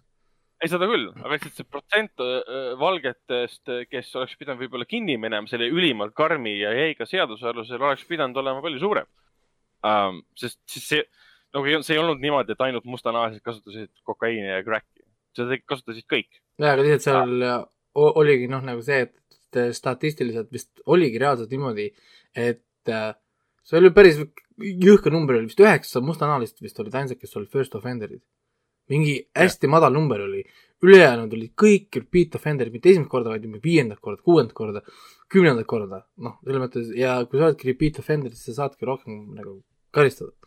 et, et see oli nagu noh, nagu see, mul, vot, vot see on see koht mulle, kus mulle ei meeldi, kuidas statistikat annetakse noh, nagu, et sa pigem maini seda et, et üheksakümmend üheksa protsenti kinniminejatest olid repeat offender'id. on kõik, noh nagu, mitte ära pane seda rassi sinna külge mm.. et, et, et mul, mulle jah veitsa ei meeldi, kui nad hakkavad statistikat niimoodi, niimoodi väänama, et nojah, eks see sõ- sõltub, kuidas, kuidas seda vaadata, et noh, mina nii palju ei tea, et ma pean hakkama siis noh tausta uurima, mis tegelikult, tegelikult juhtus ei. no ma tahtsin kohe kontrollida seda, sellepärast ma räägin, et kohe, kui nad seda numbrit ütlesid seal äh,, mulle tund- tundus see nagu liiga ekstreem, nagu see number, vaata. ma tahtsin kohe, Mhm. kohe, kohe kontrollida, otsisin üles, ma tegelikult leidsingi kohe ka põhjuse. et, et see on lihtsalt üks viis, kuidas jälle noh, nagu oma, oma narratiivi anda asjale nii-öelda. jah, kuulge, aga räägime siis korvpalliviirusest filmist, milleks on Lõuna-Korea mm, draamad äh, Be with you, Ode to my father ja The Classic, mida me vaatasime Mhm. Hendrikuga, Hendrikuga koos. The Classic on äh, selles mõttes naljakas, et see on aastast kaks tuhat kolm ja see, see film on sõna otseses mõttes klassika. et äh, see on eeskuju kõikidele tulevastele Aasia romantilistele draamadele, komöödiatele Äh, kus lugu ise on äh, kolledži õp õpilasest tudengist, kes satub lugema siis tekste oma isa-ema armusuhte kohta ja siis me näeme nagu flashback'e sellest, kuidas nende elu äh, kujunes ja kuidas nad omavahel nagu kokku said. issand, see kõlab kõlab, kõlab juba, juba nii hästi. no ja ja täpselt, hästi, Väga- ilus. ja nupukas äh, melodraama, millel on ka äh, nagu üllatavalt palju pöördeid. et üks, üks pööre oli täpselt selline, et me nagu karjusime ekraani poole, et mida päriselt või? mäletad, Ragnar? et ja. nagu see oli ootamatu, et selline rahulik ja ilus, inimlik ja kaunite inimestega draama ja lõpus mingi, oota, mida päriselt sihuke twist või? oota, oota, ära hakka Et, nüüd äh,, ma pean hakkama muidu vaatama seda kohe. ära hakka, mul ei, No mul ei ole mul ei ole aega praegu selle selle- jaoks. sellepärast ma nägingi selles, et sa kohe vaatama hakkaksid. Aga klassika tõesti- kohta, tausta kohta, mida me nii palju lugesime, et seal on üks, üks, üks stseen, kus, kus äh, naispeategelane jookseb vihmas oma kooli nagu campuses Mhm. ja see vihmas, see slow motion, see muusika, mis seal taustal käib, see on üks kõige enim tuntumaid ja ülekasutatavamaid selliseid momente, klassikalisi momente Aasia kinos, mis on levinud muidugi ka siis äh, Hollywoodi kinno ka, kus, kus, kus tegelast, tegelast, tegelast tabavad ülevoolavad tunded ja ta jookseb oma armsama suunas vihma käes, inimesed on tema ümber kõik nagu noh, kaudselt või otseselt vaatavad teda ja, ja, ja mingi väga lahe selline popmuusika ikka taustal, et see on justkui sellest filmist pärit tegelikult. aga ja, selles mõttes, et minu arust väga, väga ilus film, ta on, kohati ta on selline film nagu flashback'i, flashback'ina, flashback'ina, flashback. sest Jah. yeah., sest peategelane loeb ema ja isa kirju nende minevikust. ja siis me näeme flashback'i sellest, kuidas nad on koos ja siis omakorda nendel tegelastel, kes on minevikus, tuleb flashback oma minevikust. ja ta ja ta on niisugune hästi selline, ma tahaks öelda, et klassikaline Armo kolmnurk, aga siin on niivõrd palju nagu keerulisi elemente Oh. juurde pandud. on oot, oot, oot, oot, oot, Armo kolmnurk või? kus see kolmnurk? kolmnurk. Uh, mis, noh, see puudutab. aa, õige, see oli. parim, see oli vanem, ta isa, ema ja siis tema parim sõber, okei, okei, okei., jah, täpselt. ja sama, sama asi nagu. kes on, kes on tegelikult tema isa? jah, et see on, ta on hästi nunnu ja ta on hästi armas film ja, ja. ja ta on ka kurb film, see on, see ongi selline Lõuna-Korea film. hakkad vaatama, aa, see on ju romantiline komöödia, hakkad vaatama, ongi romantiline komöödia, siis ta muutub romantilisest draamaks. Siis ta muutub draamaks ja siis ta on ülimalt karm traagiline draama ja lõpus muutub tagasi komöödiaks. ja, ja siis ta on veel nagu saaga ka mingis mõttes, nagu Korea, Korea, Lõuna-Korea enda ajaloost veel, mis puudutab seda teemat. siin on ta ju, ühel hetkel tuleb ka Vietnami sõda tuleb siin mängu ja et see on selles mõttes huvitav, sest ma olen ka kunagi leidnud eh, enda ema ja isa armastuskirjad. Kui nad mm., kui isa oli Siberis, vaata sõjaväes või noh, nagu seal, too aeg oli ju pikk see, mitu aastat see äh, teenimisaeg. isa oli, isa oli Siberis sõjaväes. ja, ja, ja, ja, ja ma isegi mäletan nagu seda äh,, mis mäletan no,, ma olin kuulnud seda ühte nagu versiooni nagu loost ja ma hiljem lugesin nagu neid kirju, kus kohas siis äh, ema hakkas kirjas mainima kella, kedagi äh,, ma ei mäleta, mis ta nimi oli, ühesõnaga mingi keegi teine mees, kohalik, kes oli nagu olemas. ja isa nägi seda, ah, selge, tal on konkurent ja ta pani kaitseväest või sealt sõjaväest jooksu tuli busside ja rongide ja hääletades tuli Siberist Eestisse ainult selle jaoks, et äh, küsida naiseks endale ema. ja, ja, ja, ja siis, kui see sõjaväepolitsei tuli tal järgi, viis ta tagasi, sai ekstra aega tal sellest Siberist, aga, aga, aga siis veel vahetus ta oli nii-öelda noh, küsinud juba nagu naiseks. No vot, aga siukseid, siukseid väga siukseid äh, äh, võimsaid žeste on ka selles äh, filmis nimega The Classic. ja samamoodi oli selles, äh, selles teises filmis, ma ei mäleta, kumma me teisena vaatasime, kas Be with you'd või Go to my father. Hendrik kadus ära korraks, aga. Telia, Telia, Telia, Telia. kuule, Hendrik kas, kas sul on meeles, mida me teisena vaatasime, kas Be with you või Go to my father? Uh, Be with you oli teine, Õud oli viimane. okei okay,, teine film oli Be with you, mis on aastast kaks tuhat kaheksateist ja see on hoopis, hoopis teistsugune film, kus selline väga nägus äh, Korea mees äh, Wo, Wo Jin äh,, kellel on siis tütar äh, Ji Ho äh,, elavad äh, siukses külas äh, ja neil ema on juba mõnda aega tagasi surnud, elavad rahulikult äh,, rahulikult oma elu äh,.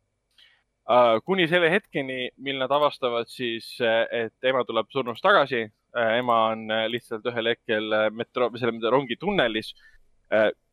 Nad ei oska seda selgitada, miks, aga ta ilmub välja, ta ei mäleta mitte midagi, et tal oleks olnud mees või tal oleks olnud laps. aga ta näeb välja nagu nende lahkunud äh, abikaasa ja siis tüdruku ema.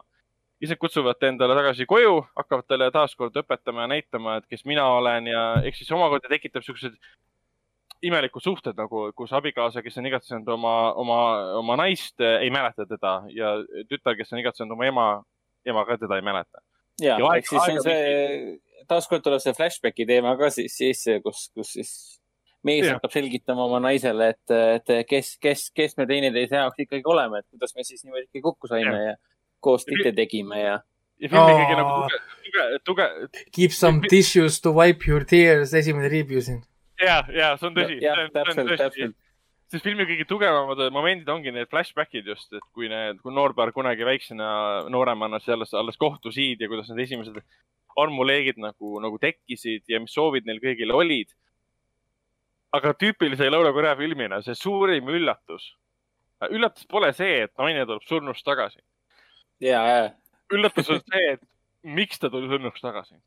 Ja see, see üllatus oli- seisnes miks ja kuidas. sest oli lubanud, et ta tuleb aasta pärast. nojah, täpselt. kas te vaatasite ka miks ja? kuidas? selle, sellepärast, et filmitegijad reaalselt mõtlesid välja selle väga ägeda, toreda lahenduse, kuidas see üldse võimalik sai olla nii-öelda. ja see on hästi sihuke liigutav lahendus, ta pole ulmeline, ta ei ole, okei okay,, ta, ta ei ole fantastiline ega ulmeline, sa, sa lihtsalt vaatad ja sul korraks jääb nagu lõug lahti mingi, suu lahti mingi, aa, niimoodi on võimalik selgitada. esialgu see tundub, et see on nagu soe selline, selline romantiline film, kus allegoorilisel viisil tuuakse tagasi ema, et siis äh, laps ja abikaasa saaksid äh, natukene aega veel öö, oma elu koos ühiselt nagu pikendada.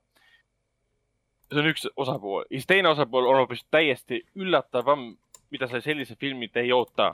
Ja see on jälle see Lõuna-Korea filmidele omane külg, et ta on täis alati mingisuguseid ootamatusi. ja seda veel ka, et nagu hea asi, mida vaadata ka tegelikult, et ühelt poolt on The Classic on siis nagu noorte armastusloost, kes, kes, kellel on juba täiskasvanud tütar. ja aga äh, Be With You on siis ju noorte armastusloost, kellel on veel pisike pojakene nii-öelda.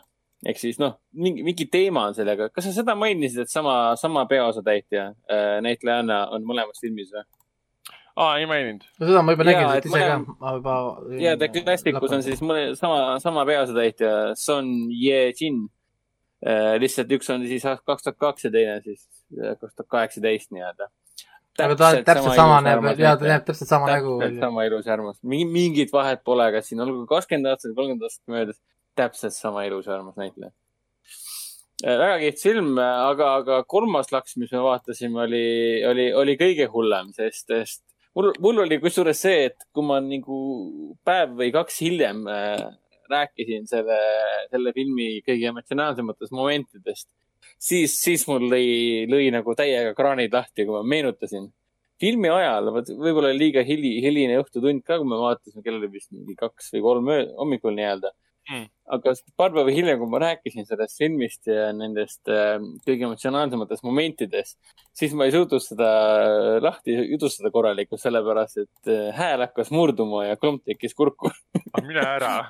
ja, ja päriselt, aga täiesti crazy noh. ehk siis äh, ood minu või noh, on ood, jah, ood minu isale, Ode to my father äh, aastast äh, kaks tuhat neliteist, mis oli siin, mis on põhimõtteliselt äh, eepiline saaga ühest täiesti tavalisest mehest. oo, siin on Äh, see kui ta- laste näitleja. ja, ja, mis ta nimi nüüd oli? Jujin Kim. Junjin Kim, jah, Losti näitleja, meil oli täpselt sama reaktsioon, et kui Losti näitleja välja ilmus mingi, oota, Losti näitleja. igatahes see on eepiline saaga ühest tavalisest mehest ja tema, tema, tema, tema perekonna ja tema enda perekonna, tema laste elust nii-öelda. Kõik see algab siis hetkel, kui äh, toimus oh. äh, Korea, Korea sõda see ja mulle, kuidas siis te, ma korra, mulle meeldib selle filmi tagline uh,. One, one promise can shape a lifetime. jah, jah. täpselt oligi, siin on ka väga ilus, väga ilus äh, see raamlugu, mis ongi, seostabki just nimelt selle tagline'iga, lubadusega nii-öelda. jah, sest ja noh, ja kui see, nii, ei ma, ta, jätka. et kui see filmi, filmi tagline'i see nii-öelda, tähendab mitte tagline, vaid kui filmi raamlugu lõpuks nagu lõpeb nii-öelda, film hakkab lõppema ja siis, ja siis, siis see viimane, viimane löök sinu nagu tunnetele tuleb, siis sa tõesti mõtled, et issand, ma olen täiesti muutunud mees. kuidas see film suudab viimased mingi kolmkümmend minutit sind lihtsalt niimoodi, sinu tunnetele on tunded, meil, meil tegi, tegi, tekkiski nende kolme filmi, seda, neid kolme filmi vaadates tekkis tunne, et, et see running, nii-öelda jooksev nali oli see, et selge, nüüd on minu tunnet, tunnetel ka tunded. ma arvan, et minu tunnete tunnetel on ka need tunded, eriti pärast seda viimast filmi. aga väga eepiline lugu, põhimõtteliselt perekonnas, kes siis põgeneb põhjakorealaste eest. mitte põhjakorealaste eest, et kes seal kõik olid, hiinlased ja Nõukogude Liit ja Põhja-Korea siis. Põhja-Korea, selle Korea sõja ajal põhimõtteliselt, kuidas nad evakueeritakse. Nad põgenesid, põhja, põgenesid jah, siis vaata Põhja-Korea alalt. Oo. mis muidu oli enne, muidu enne oli Korea, aga nad põgenesid Põhja-Korea alalt, sest Nõukogude Liit ja hiinlased tulid peale, et seda Koreat siis pooleks teha nagu. jah, ja see on nagu siiamaani Koreas, mul sõber oskas rääkida, et äh, rahvuslik tragöödia, sest siiamaani on inimesed kadunud. siiamaani otsitakse taga inimesi, äkki on veel lootust, et mõni on elus Mm. ja siin on see põhiteema, et siin tal läheb tal kaduma nii äh, isa kui ka väike õde ja siis ta, kogu tema elu eesmärk on siis äh, oma väikesele, väikesele, väikesele õele, teisele väikesele õele ja siis emale tagada see, mida, mida on üliraske tagada, ehk siis äh, majanduslik heaolu nii-öelda. ehk siis see näitab ära, mida need noored korealased pidid siis nii-öelda läbi elama, kes kõik nendelt põhjakorealadelt põgenesid. ehk siis siin on siin on samamoodi, et ta käib, ta käib Vietnamist läbi, tal on ülimas vaesuses elab, mistõttu ta läheb äh, Saksamaale kaevandustööle. söekaevandusse läheb tööle, seal on omad probleemid, tulevad tagasi koju, natuke saavad rikkamaks. ja, ja erinevad probleemid kõik nagu selgelt elatakse üle ja siis ta on nagu vana mees ja tal on siiamaani äh, vana nagu tänava peal üks vana klassikaline pood püsti. Ja pärast me saame teada, miks ta seda poodi nii äh, kümne küünega nagu kinni hoiab, olgugi et tal kogu aeg küsi- küsitakse, et müü maha, müü maha, me tahame siia uue hoone ehitada.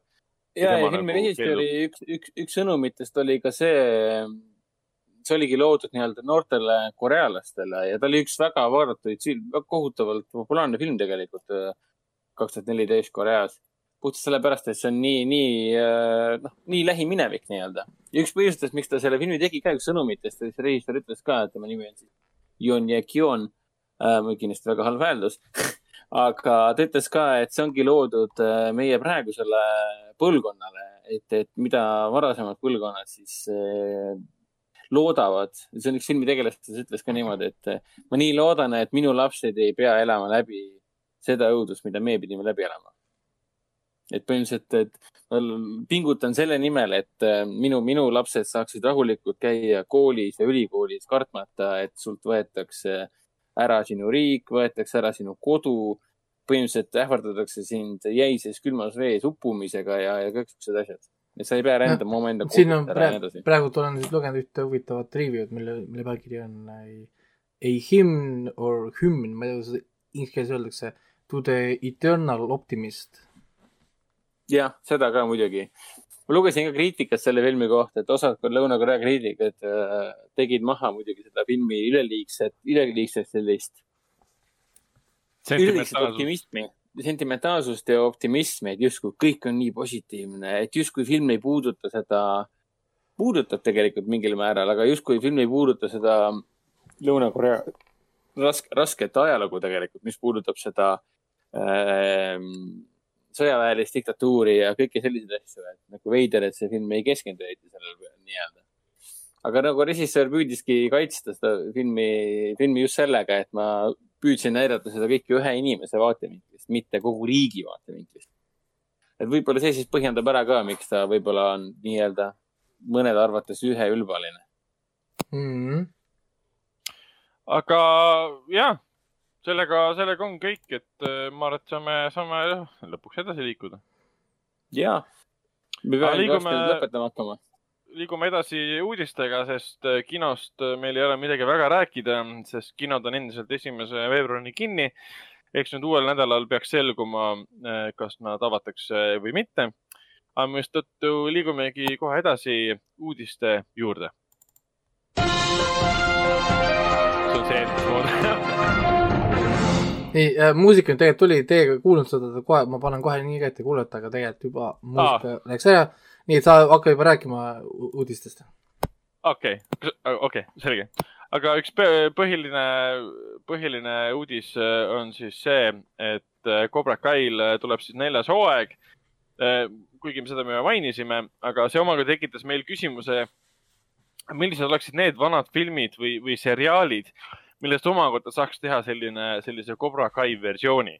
et sa võtad, võtad teise poole tegelased ette ja hakkad neid nagu avama äh,. Äh, äh, nii nagu Cobra Kai seda teeb äh,. ava, avama seda lugu siis läbi äh, nende tegelastega, keda nä- nähti justkui negatiivses, negatiivsest vaatevinklist. ja, ja noh, mis me siin välja pakkusime, et äh, näiteks Home Alone Hendrik pakkus välja. ja võiks küll, sest äh,, sest Kalkin on ju praegu minu arust teinud niisuguse mõnusa comeback'i ka, ta käib siin igal pool äh, erinevates saadetes ja asjades ja, ja mingid väiksem filmrollid ja asjad, et ta võiks tegelikult täitsa vabalt nagu olla Home Alone twenty twenty koroona edition, noh. et selles mõttes No, et äh, noh, ideaalne aeg teha Home Alone uuesti. kutsuge see Joe Pesci ja kes seda, kes seda Mortit mängis või mis ta nimi oli? Daniel Stern. Daniel Stern jah. Pesci ja täiesti elus ja Daniel Stern samamoodi. kutsuge kohale ja tehke üks koroona edition, kus nad siin põhimõtteliselt, ma ei tea, maksavad kätte talle neile tekitatud kahju eest või? põhimõtteliselt, no kas just, ja okei okay,. mida iganes tahab siin välja mõelda. enamik näitlejatest on elus, välja arvatud siis äh, selle Kevini isa näitleja John Hurt oli ta nimi vist või? tema on juba kahjuks meie seast juba lahkunud. Aga enamik on elus veel, isegi see Kieran Kalkin on ju olemas, kes ju mängis seda äh, väikest Fullerit, kes äh, voodisse lasi kogu aeg. ah õigus, see on ju väike, väike vend, Macaulay kes mängis seda üliägedat tegelast, mängis seal äh, selles Scott Pilgrimis. ja tõsi, täpselt ja, ja, ja. aga ma ütlen siis näiteks, näiteks Home Alone'i puhul äh, sa ei peagi, noh, Home Alone'i puhul on keeruline, sest Joe Pesci on vana, ta on väga väärtuslik näitleja ja ta on väga kallis näitleja. ja ma arvan, et teda peab räigelt palju veenma, eriti mis puudutab dollareid, dollaritest siis veenma, et ta üldse tuleks ja osaleks sellises seriaalis või no. Filmis. Netflix on demonstreerinud, et dollar on nende jaoks ainult lihtsalt äh, süm- Tükk väga paberit., väga sümboolne jah, paberi, paber või number kuskil mõttetu, selles mõttes, et, et jah, see ei ole kindlasti nende jaoks äh, pro-, pro-, probleem. pigem ongi see okay. for-, formaat, kuidas seda tagasi tuua, vaata, nagu. nojah, et see noh, kõige lihtsam idee antud juhul äh, olekski see, et äh, Joe Pesci ja Daniel Stern ehk siis äh, Sticky või siis äh, Wet Bandits äh, vab vabanevad järjekordse kuriteo eest siis vanglast ja ja, ja satuvad kokku siis äh, äh, Macaulay Culkini ehk siis äh,, ehk siis Kevin McAllister. Kevin McAllisteriga ja näevad, kuivõrd hästi ta elu, oma elu elab ja kuidas tal on kõik hästi näiteks. Ja otsustavad teda näiteks uuesti kas siis röövima hakata või no, see oleks juba, see oleks juba tegelikult äh, kolmas osa teisele filmile. no tegelikult, nagu tegelikult peaks juba, tegelikult peaks juba vastupidi olema nii-öelda. Vaata, ei, vaata, kui- kui- kui me- Cobra Kai ju jah. peategelane on ju antagonist. Ehk siin peaks siis- samamoodi olema ehk. siis siin peaks olema nüüd nagu see, et peategelased on röövlid, onju, esiteks et et Joe Pesci ongi pea peategelane ja, ja me vaatame nende elu, mis on nendest äh, saanud nüüd, ma ei tea, nii palju aastaid hiljem ja sama, samamoodi ta käibki mööda linna ringi ja näeb et jälle üks mõttetu reklaam selle Kevin McAllisteriga, ma ei tea, uus tv-show tal, ma ei tea, avas mingi uue kuradi kaubamaja kuskil ja siis on see, et kurat, ma teen talle, ma röövin ta kaubamaja tühjaks. ja see ja No. ja, ja sealt algab mingisugune, noh, saad aru, mingi, no täpselt. mingi, mingisugune story. siin saaks kasvõi meta asju ka teha, et kus Kevin McAllister, kes on nüüd vana, juhatab sisse või tutvustab filmi, mille nimi on Home Alone, mis räägib äh, sellest, kui ta oli väike. noh, ja siis ta pole raha saanud jah, ja siis nad, need vennad on see, et kurat, see on ju meie elu ju. noh No no, kus meie raha on, onju, või noh, või midagi sellist. Nemad on kõik seal vanglas istunud, mingi vanglate vahet istunud ja nüüd panevad tähele, et Kevin McAllister on rupu moodi raha teeninud. Nende arvelt nii-öelda. kus meie raha on? no nii kõike, on võimalik teha. aga lähme edasi ja te äh,. oota, Lähme aga äh, maini-, mainiks veel ära, et äh, variandid, millest veel saaks teha. Aa, veel, okei, veel variandid. stiilis, stiilis seriaali või filmi oleks näiteks Tubikesed. ma tean, et Raikole see idee. ja mulle väga, väga meeldiks, sest Al Bundi vanaisana oleks väga kihvt. jah, aga Jaa. oota, Tubikeste puhul on jälle see, et kes oleks siis peategelane. ja talle pandi ei saa uuesti peategelane olla. ei olekski Al Bundi, arvatavasti äh, No, no, umbes nagu umbes nagu, umbes nagu tehti tehti selle päästekooli peal, aga et äh, vanad tegelased on alles, aga uued tegelased on peategelased, ehk siis seal on mingi lapselastest keegi. Mm, okei, jah. või siis äh,, oi, Paad, Paad on nüüd ise hoopis shoe, shoe salesman ja, ja, ja Paadi perekond ehk siis David Faustino oleks No näiteks. äh, võib-olla siis nüüd pereisa. selle, mis, kes, kes tal need naabrid olid, vaata see Macy ja siis tema Mars mees. Marsi Jaa, Marsi, ja Marsi. Steve olid alguses ja pärast tuli see Marsi ja siis see, see teine mees, ma ei mäleta nime enam. ma ei mäleta ja. see uus mees tal, ma ei mäleta, mis ta nimi oli, Steve oli alguses jah, seda ma mäletan, Marsi ja Steve. aga issand, Marsi ja Darcy või? ma ja ei, mäleta. ja Marsi ja Darcy. Oli vist äkki või, et et tehti selle üle nalja, et see Al Bundy vist oli, kui nad, kui nad e- esimest korda kohtusid, et kas te oma nimesid olete kuulnud või? või No, või, äh, või, või, või, ja, ja, või, ja, ja teine, teine variant, kolmas variant oleks siis MacGyver. ja MacGyveri puhul mul endal oli idee, et mis asja äh,. teeme seriaali, kus Murdoch on peategelane. me ei tea, vaata Murdoch ei surnud kunagi ära, ta iga kord tuli sur surnust tagasi, vaata. ja tuleb välja, et endine, endine hit, hitman oli minu arust ju see Murdoch, et ta on hitman ja siis ta saab võib-olla uue ülesande võtta maha, tappa ära, ma ei tea, MacGyver, aga ta võiks olla sellises lõbusas formaadis, mitte niimoodi, et on hullumeele, kes tapab kõik. või siis, kes, kes olid need MacGyveri põhilised pahad? Näitleja on eh, siiamaani elus, Michael Despars. kes mängis Jah. seda Murdochit või? ja, ja ta on siiamaani elus. jumala äge oleks, kui tema mängis, väga hea, kusjuures ta näeb väga hea välja, ma panen siia kaks tuhat kakskümmend järgi ka. Või noh, Night, väga stiilne, väga Sama- rock n roll näeb välja. samamoodi Night Riderist, noh, ma te- paneksin peategelaseks, paneksin auto. peategelane lihtsalt Tesla. on üksi. Te-, Tesla, Tesla auto, kus on Siri, no täpselt, jah. Google Maps'iga sõidab, Google Maps'iga ja siis autol on oma twit- twit- Twitter account. no täpselt, et seal ühes, ühes autos on nii kitt kui ka siis Siiri. et see oleks, see oleks Siiri see oleks ju täiega kihvt, kuule, Git uh,, make a, make a, make a new tweet. jah, täpselt. aga põhimõtteliselt siis ta suhtleb ju nagu mingi suvalise smart autoga ju. Uh, jah, põhimõtteliselt küll jah, seda küll, seda küll. siis see ei oleks enam tulevik väga.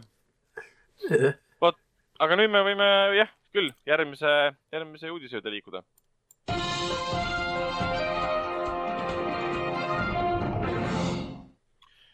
Järgmine uudis eh, puudutab eh, eh, kõiki neid edasi lükatud filme. Siin nüüd nädala jooksul põhimõtteliselt kogu kahe tuhande kahekümne esimese aasta filmid lükati edasi.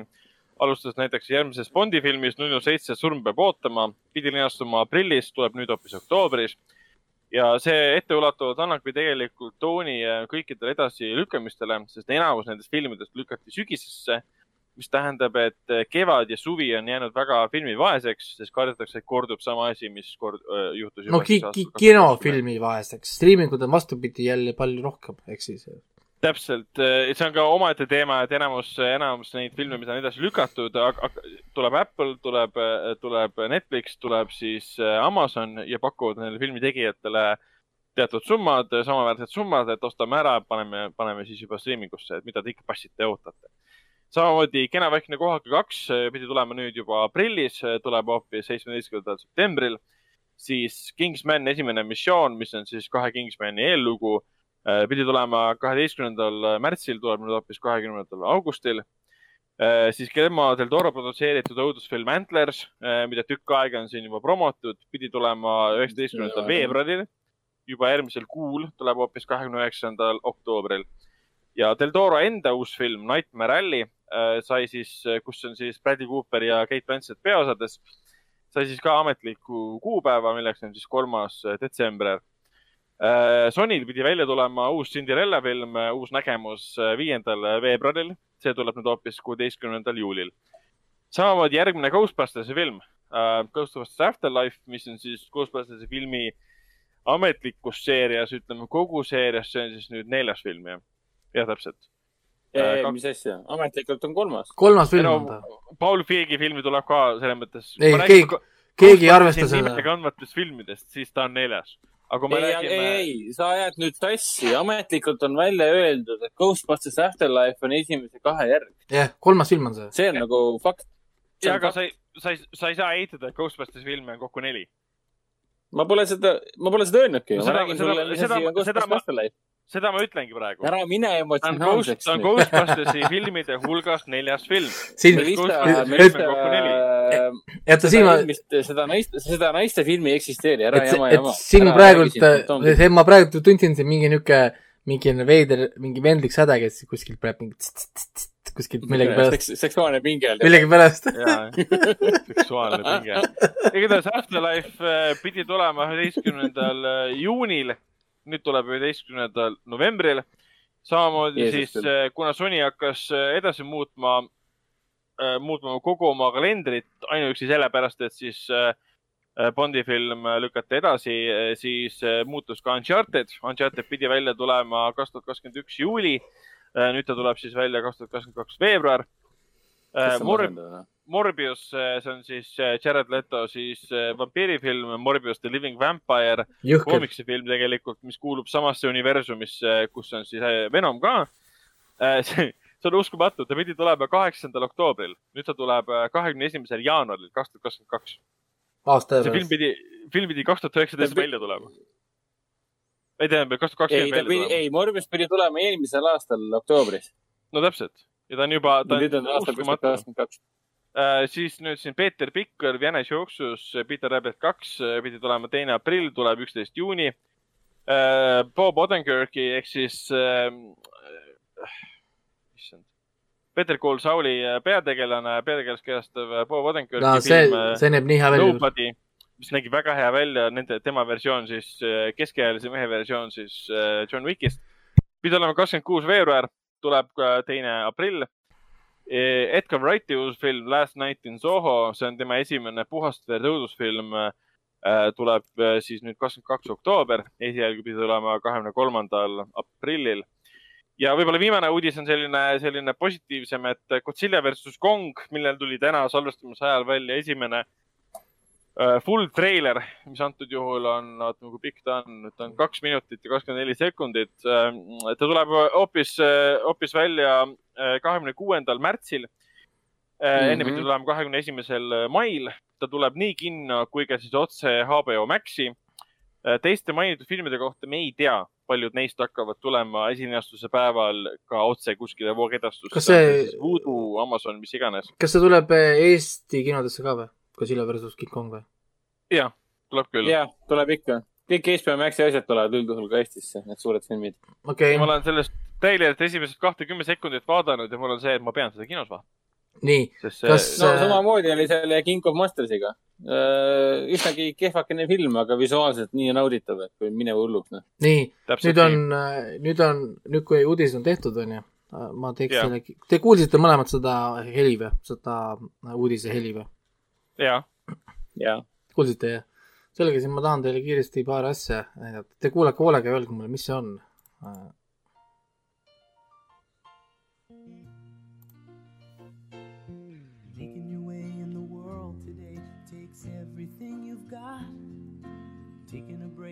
et ma annan teile kuni kolm, kolm, kolmkümmend sekki maksimum ja rohkem te ei saa no..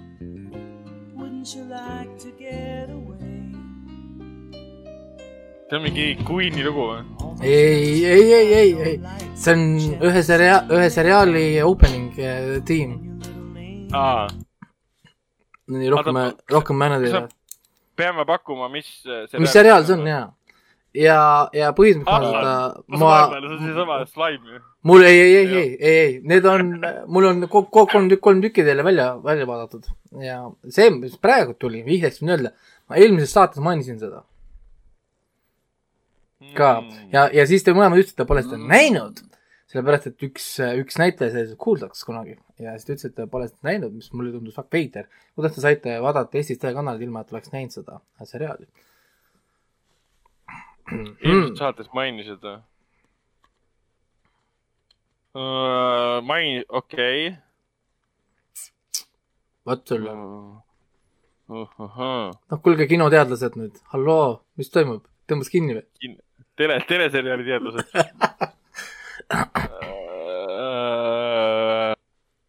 oota, aga meie pole näinud. aga ta äkki ta on mingi klassikaline asi, mida, mida me tõesti pole näinud, nagu mingi, ma ei tea. Dawson Creek või mingi siuke asi. ma ei, ma ei tea, see on väga tuttav oli küll, aga ma ei, ma ei oska. ja ma olen seda kuulnud kuskil küll.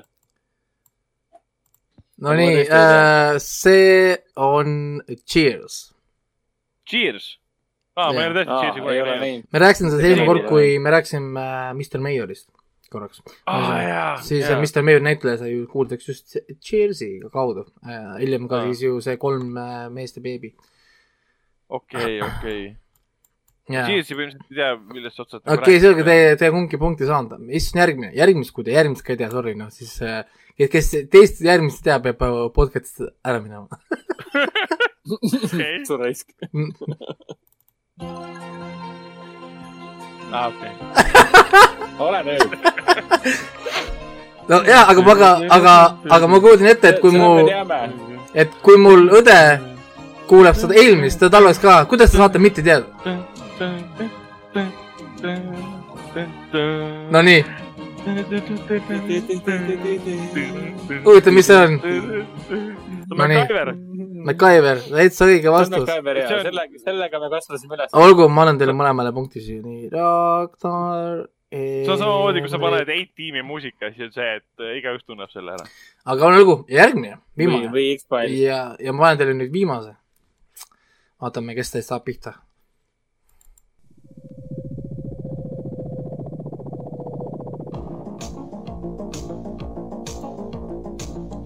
aa,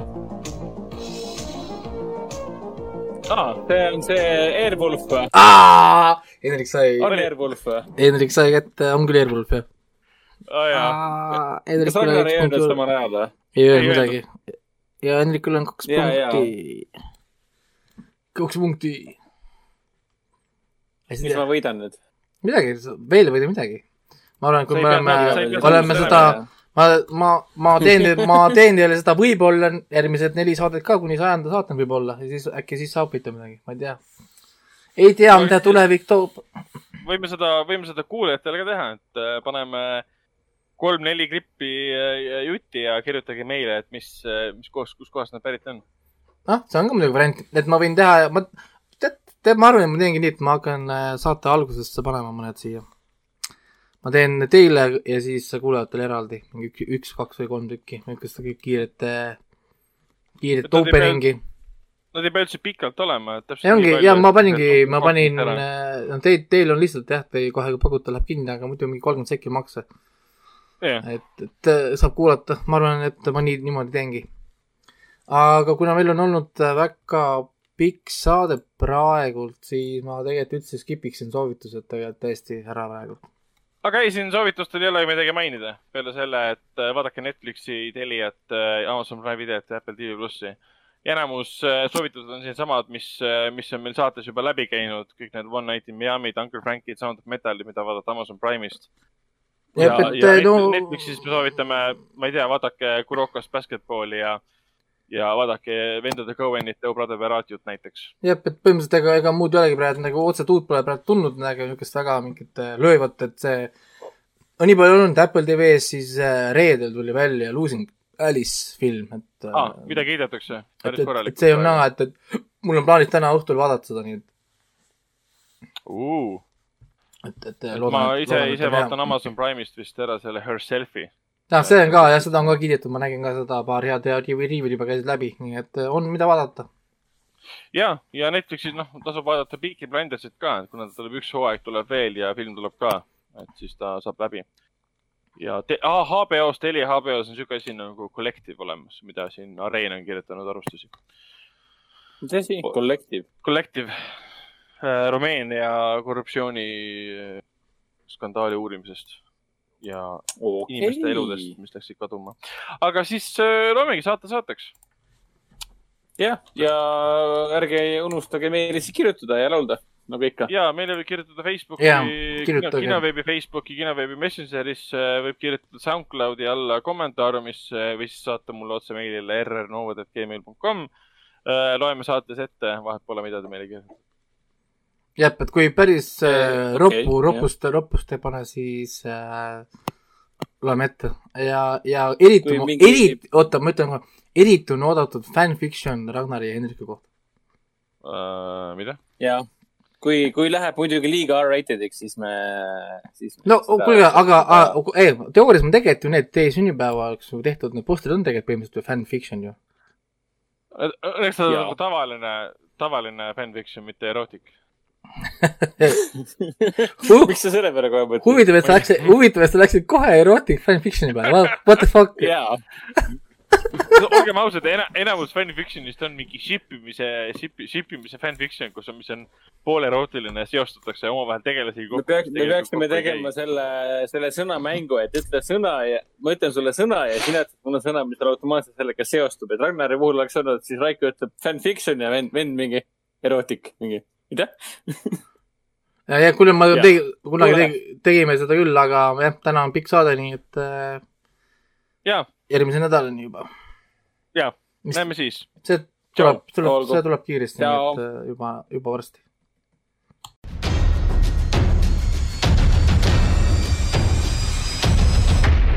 kinoveebi Jututuba podcasti toob teieni Foorum Cinemas.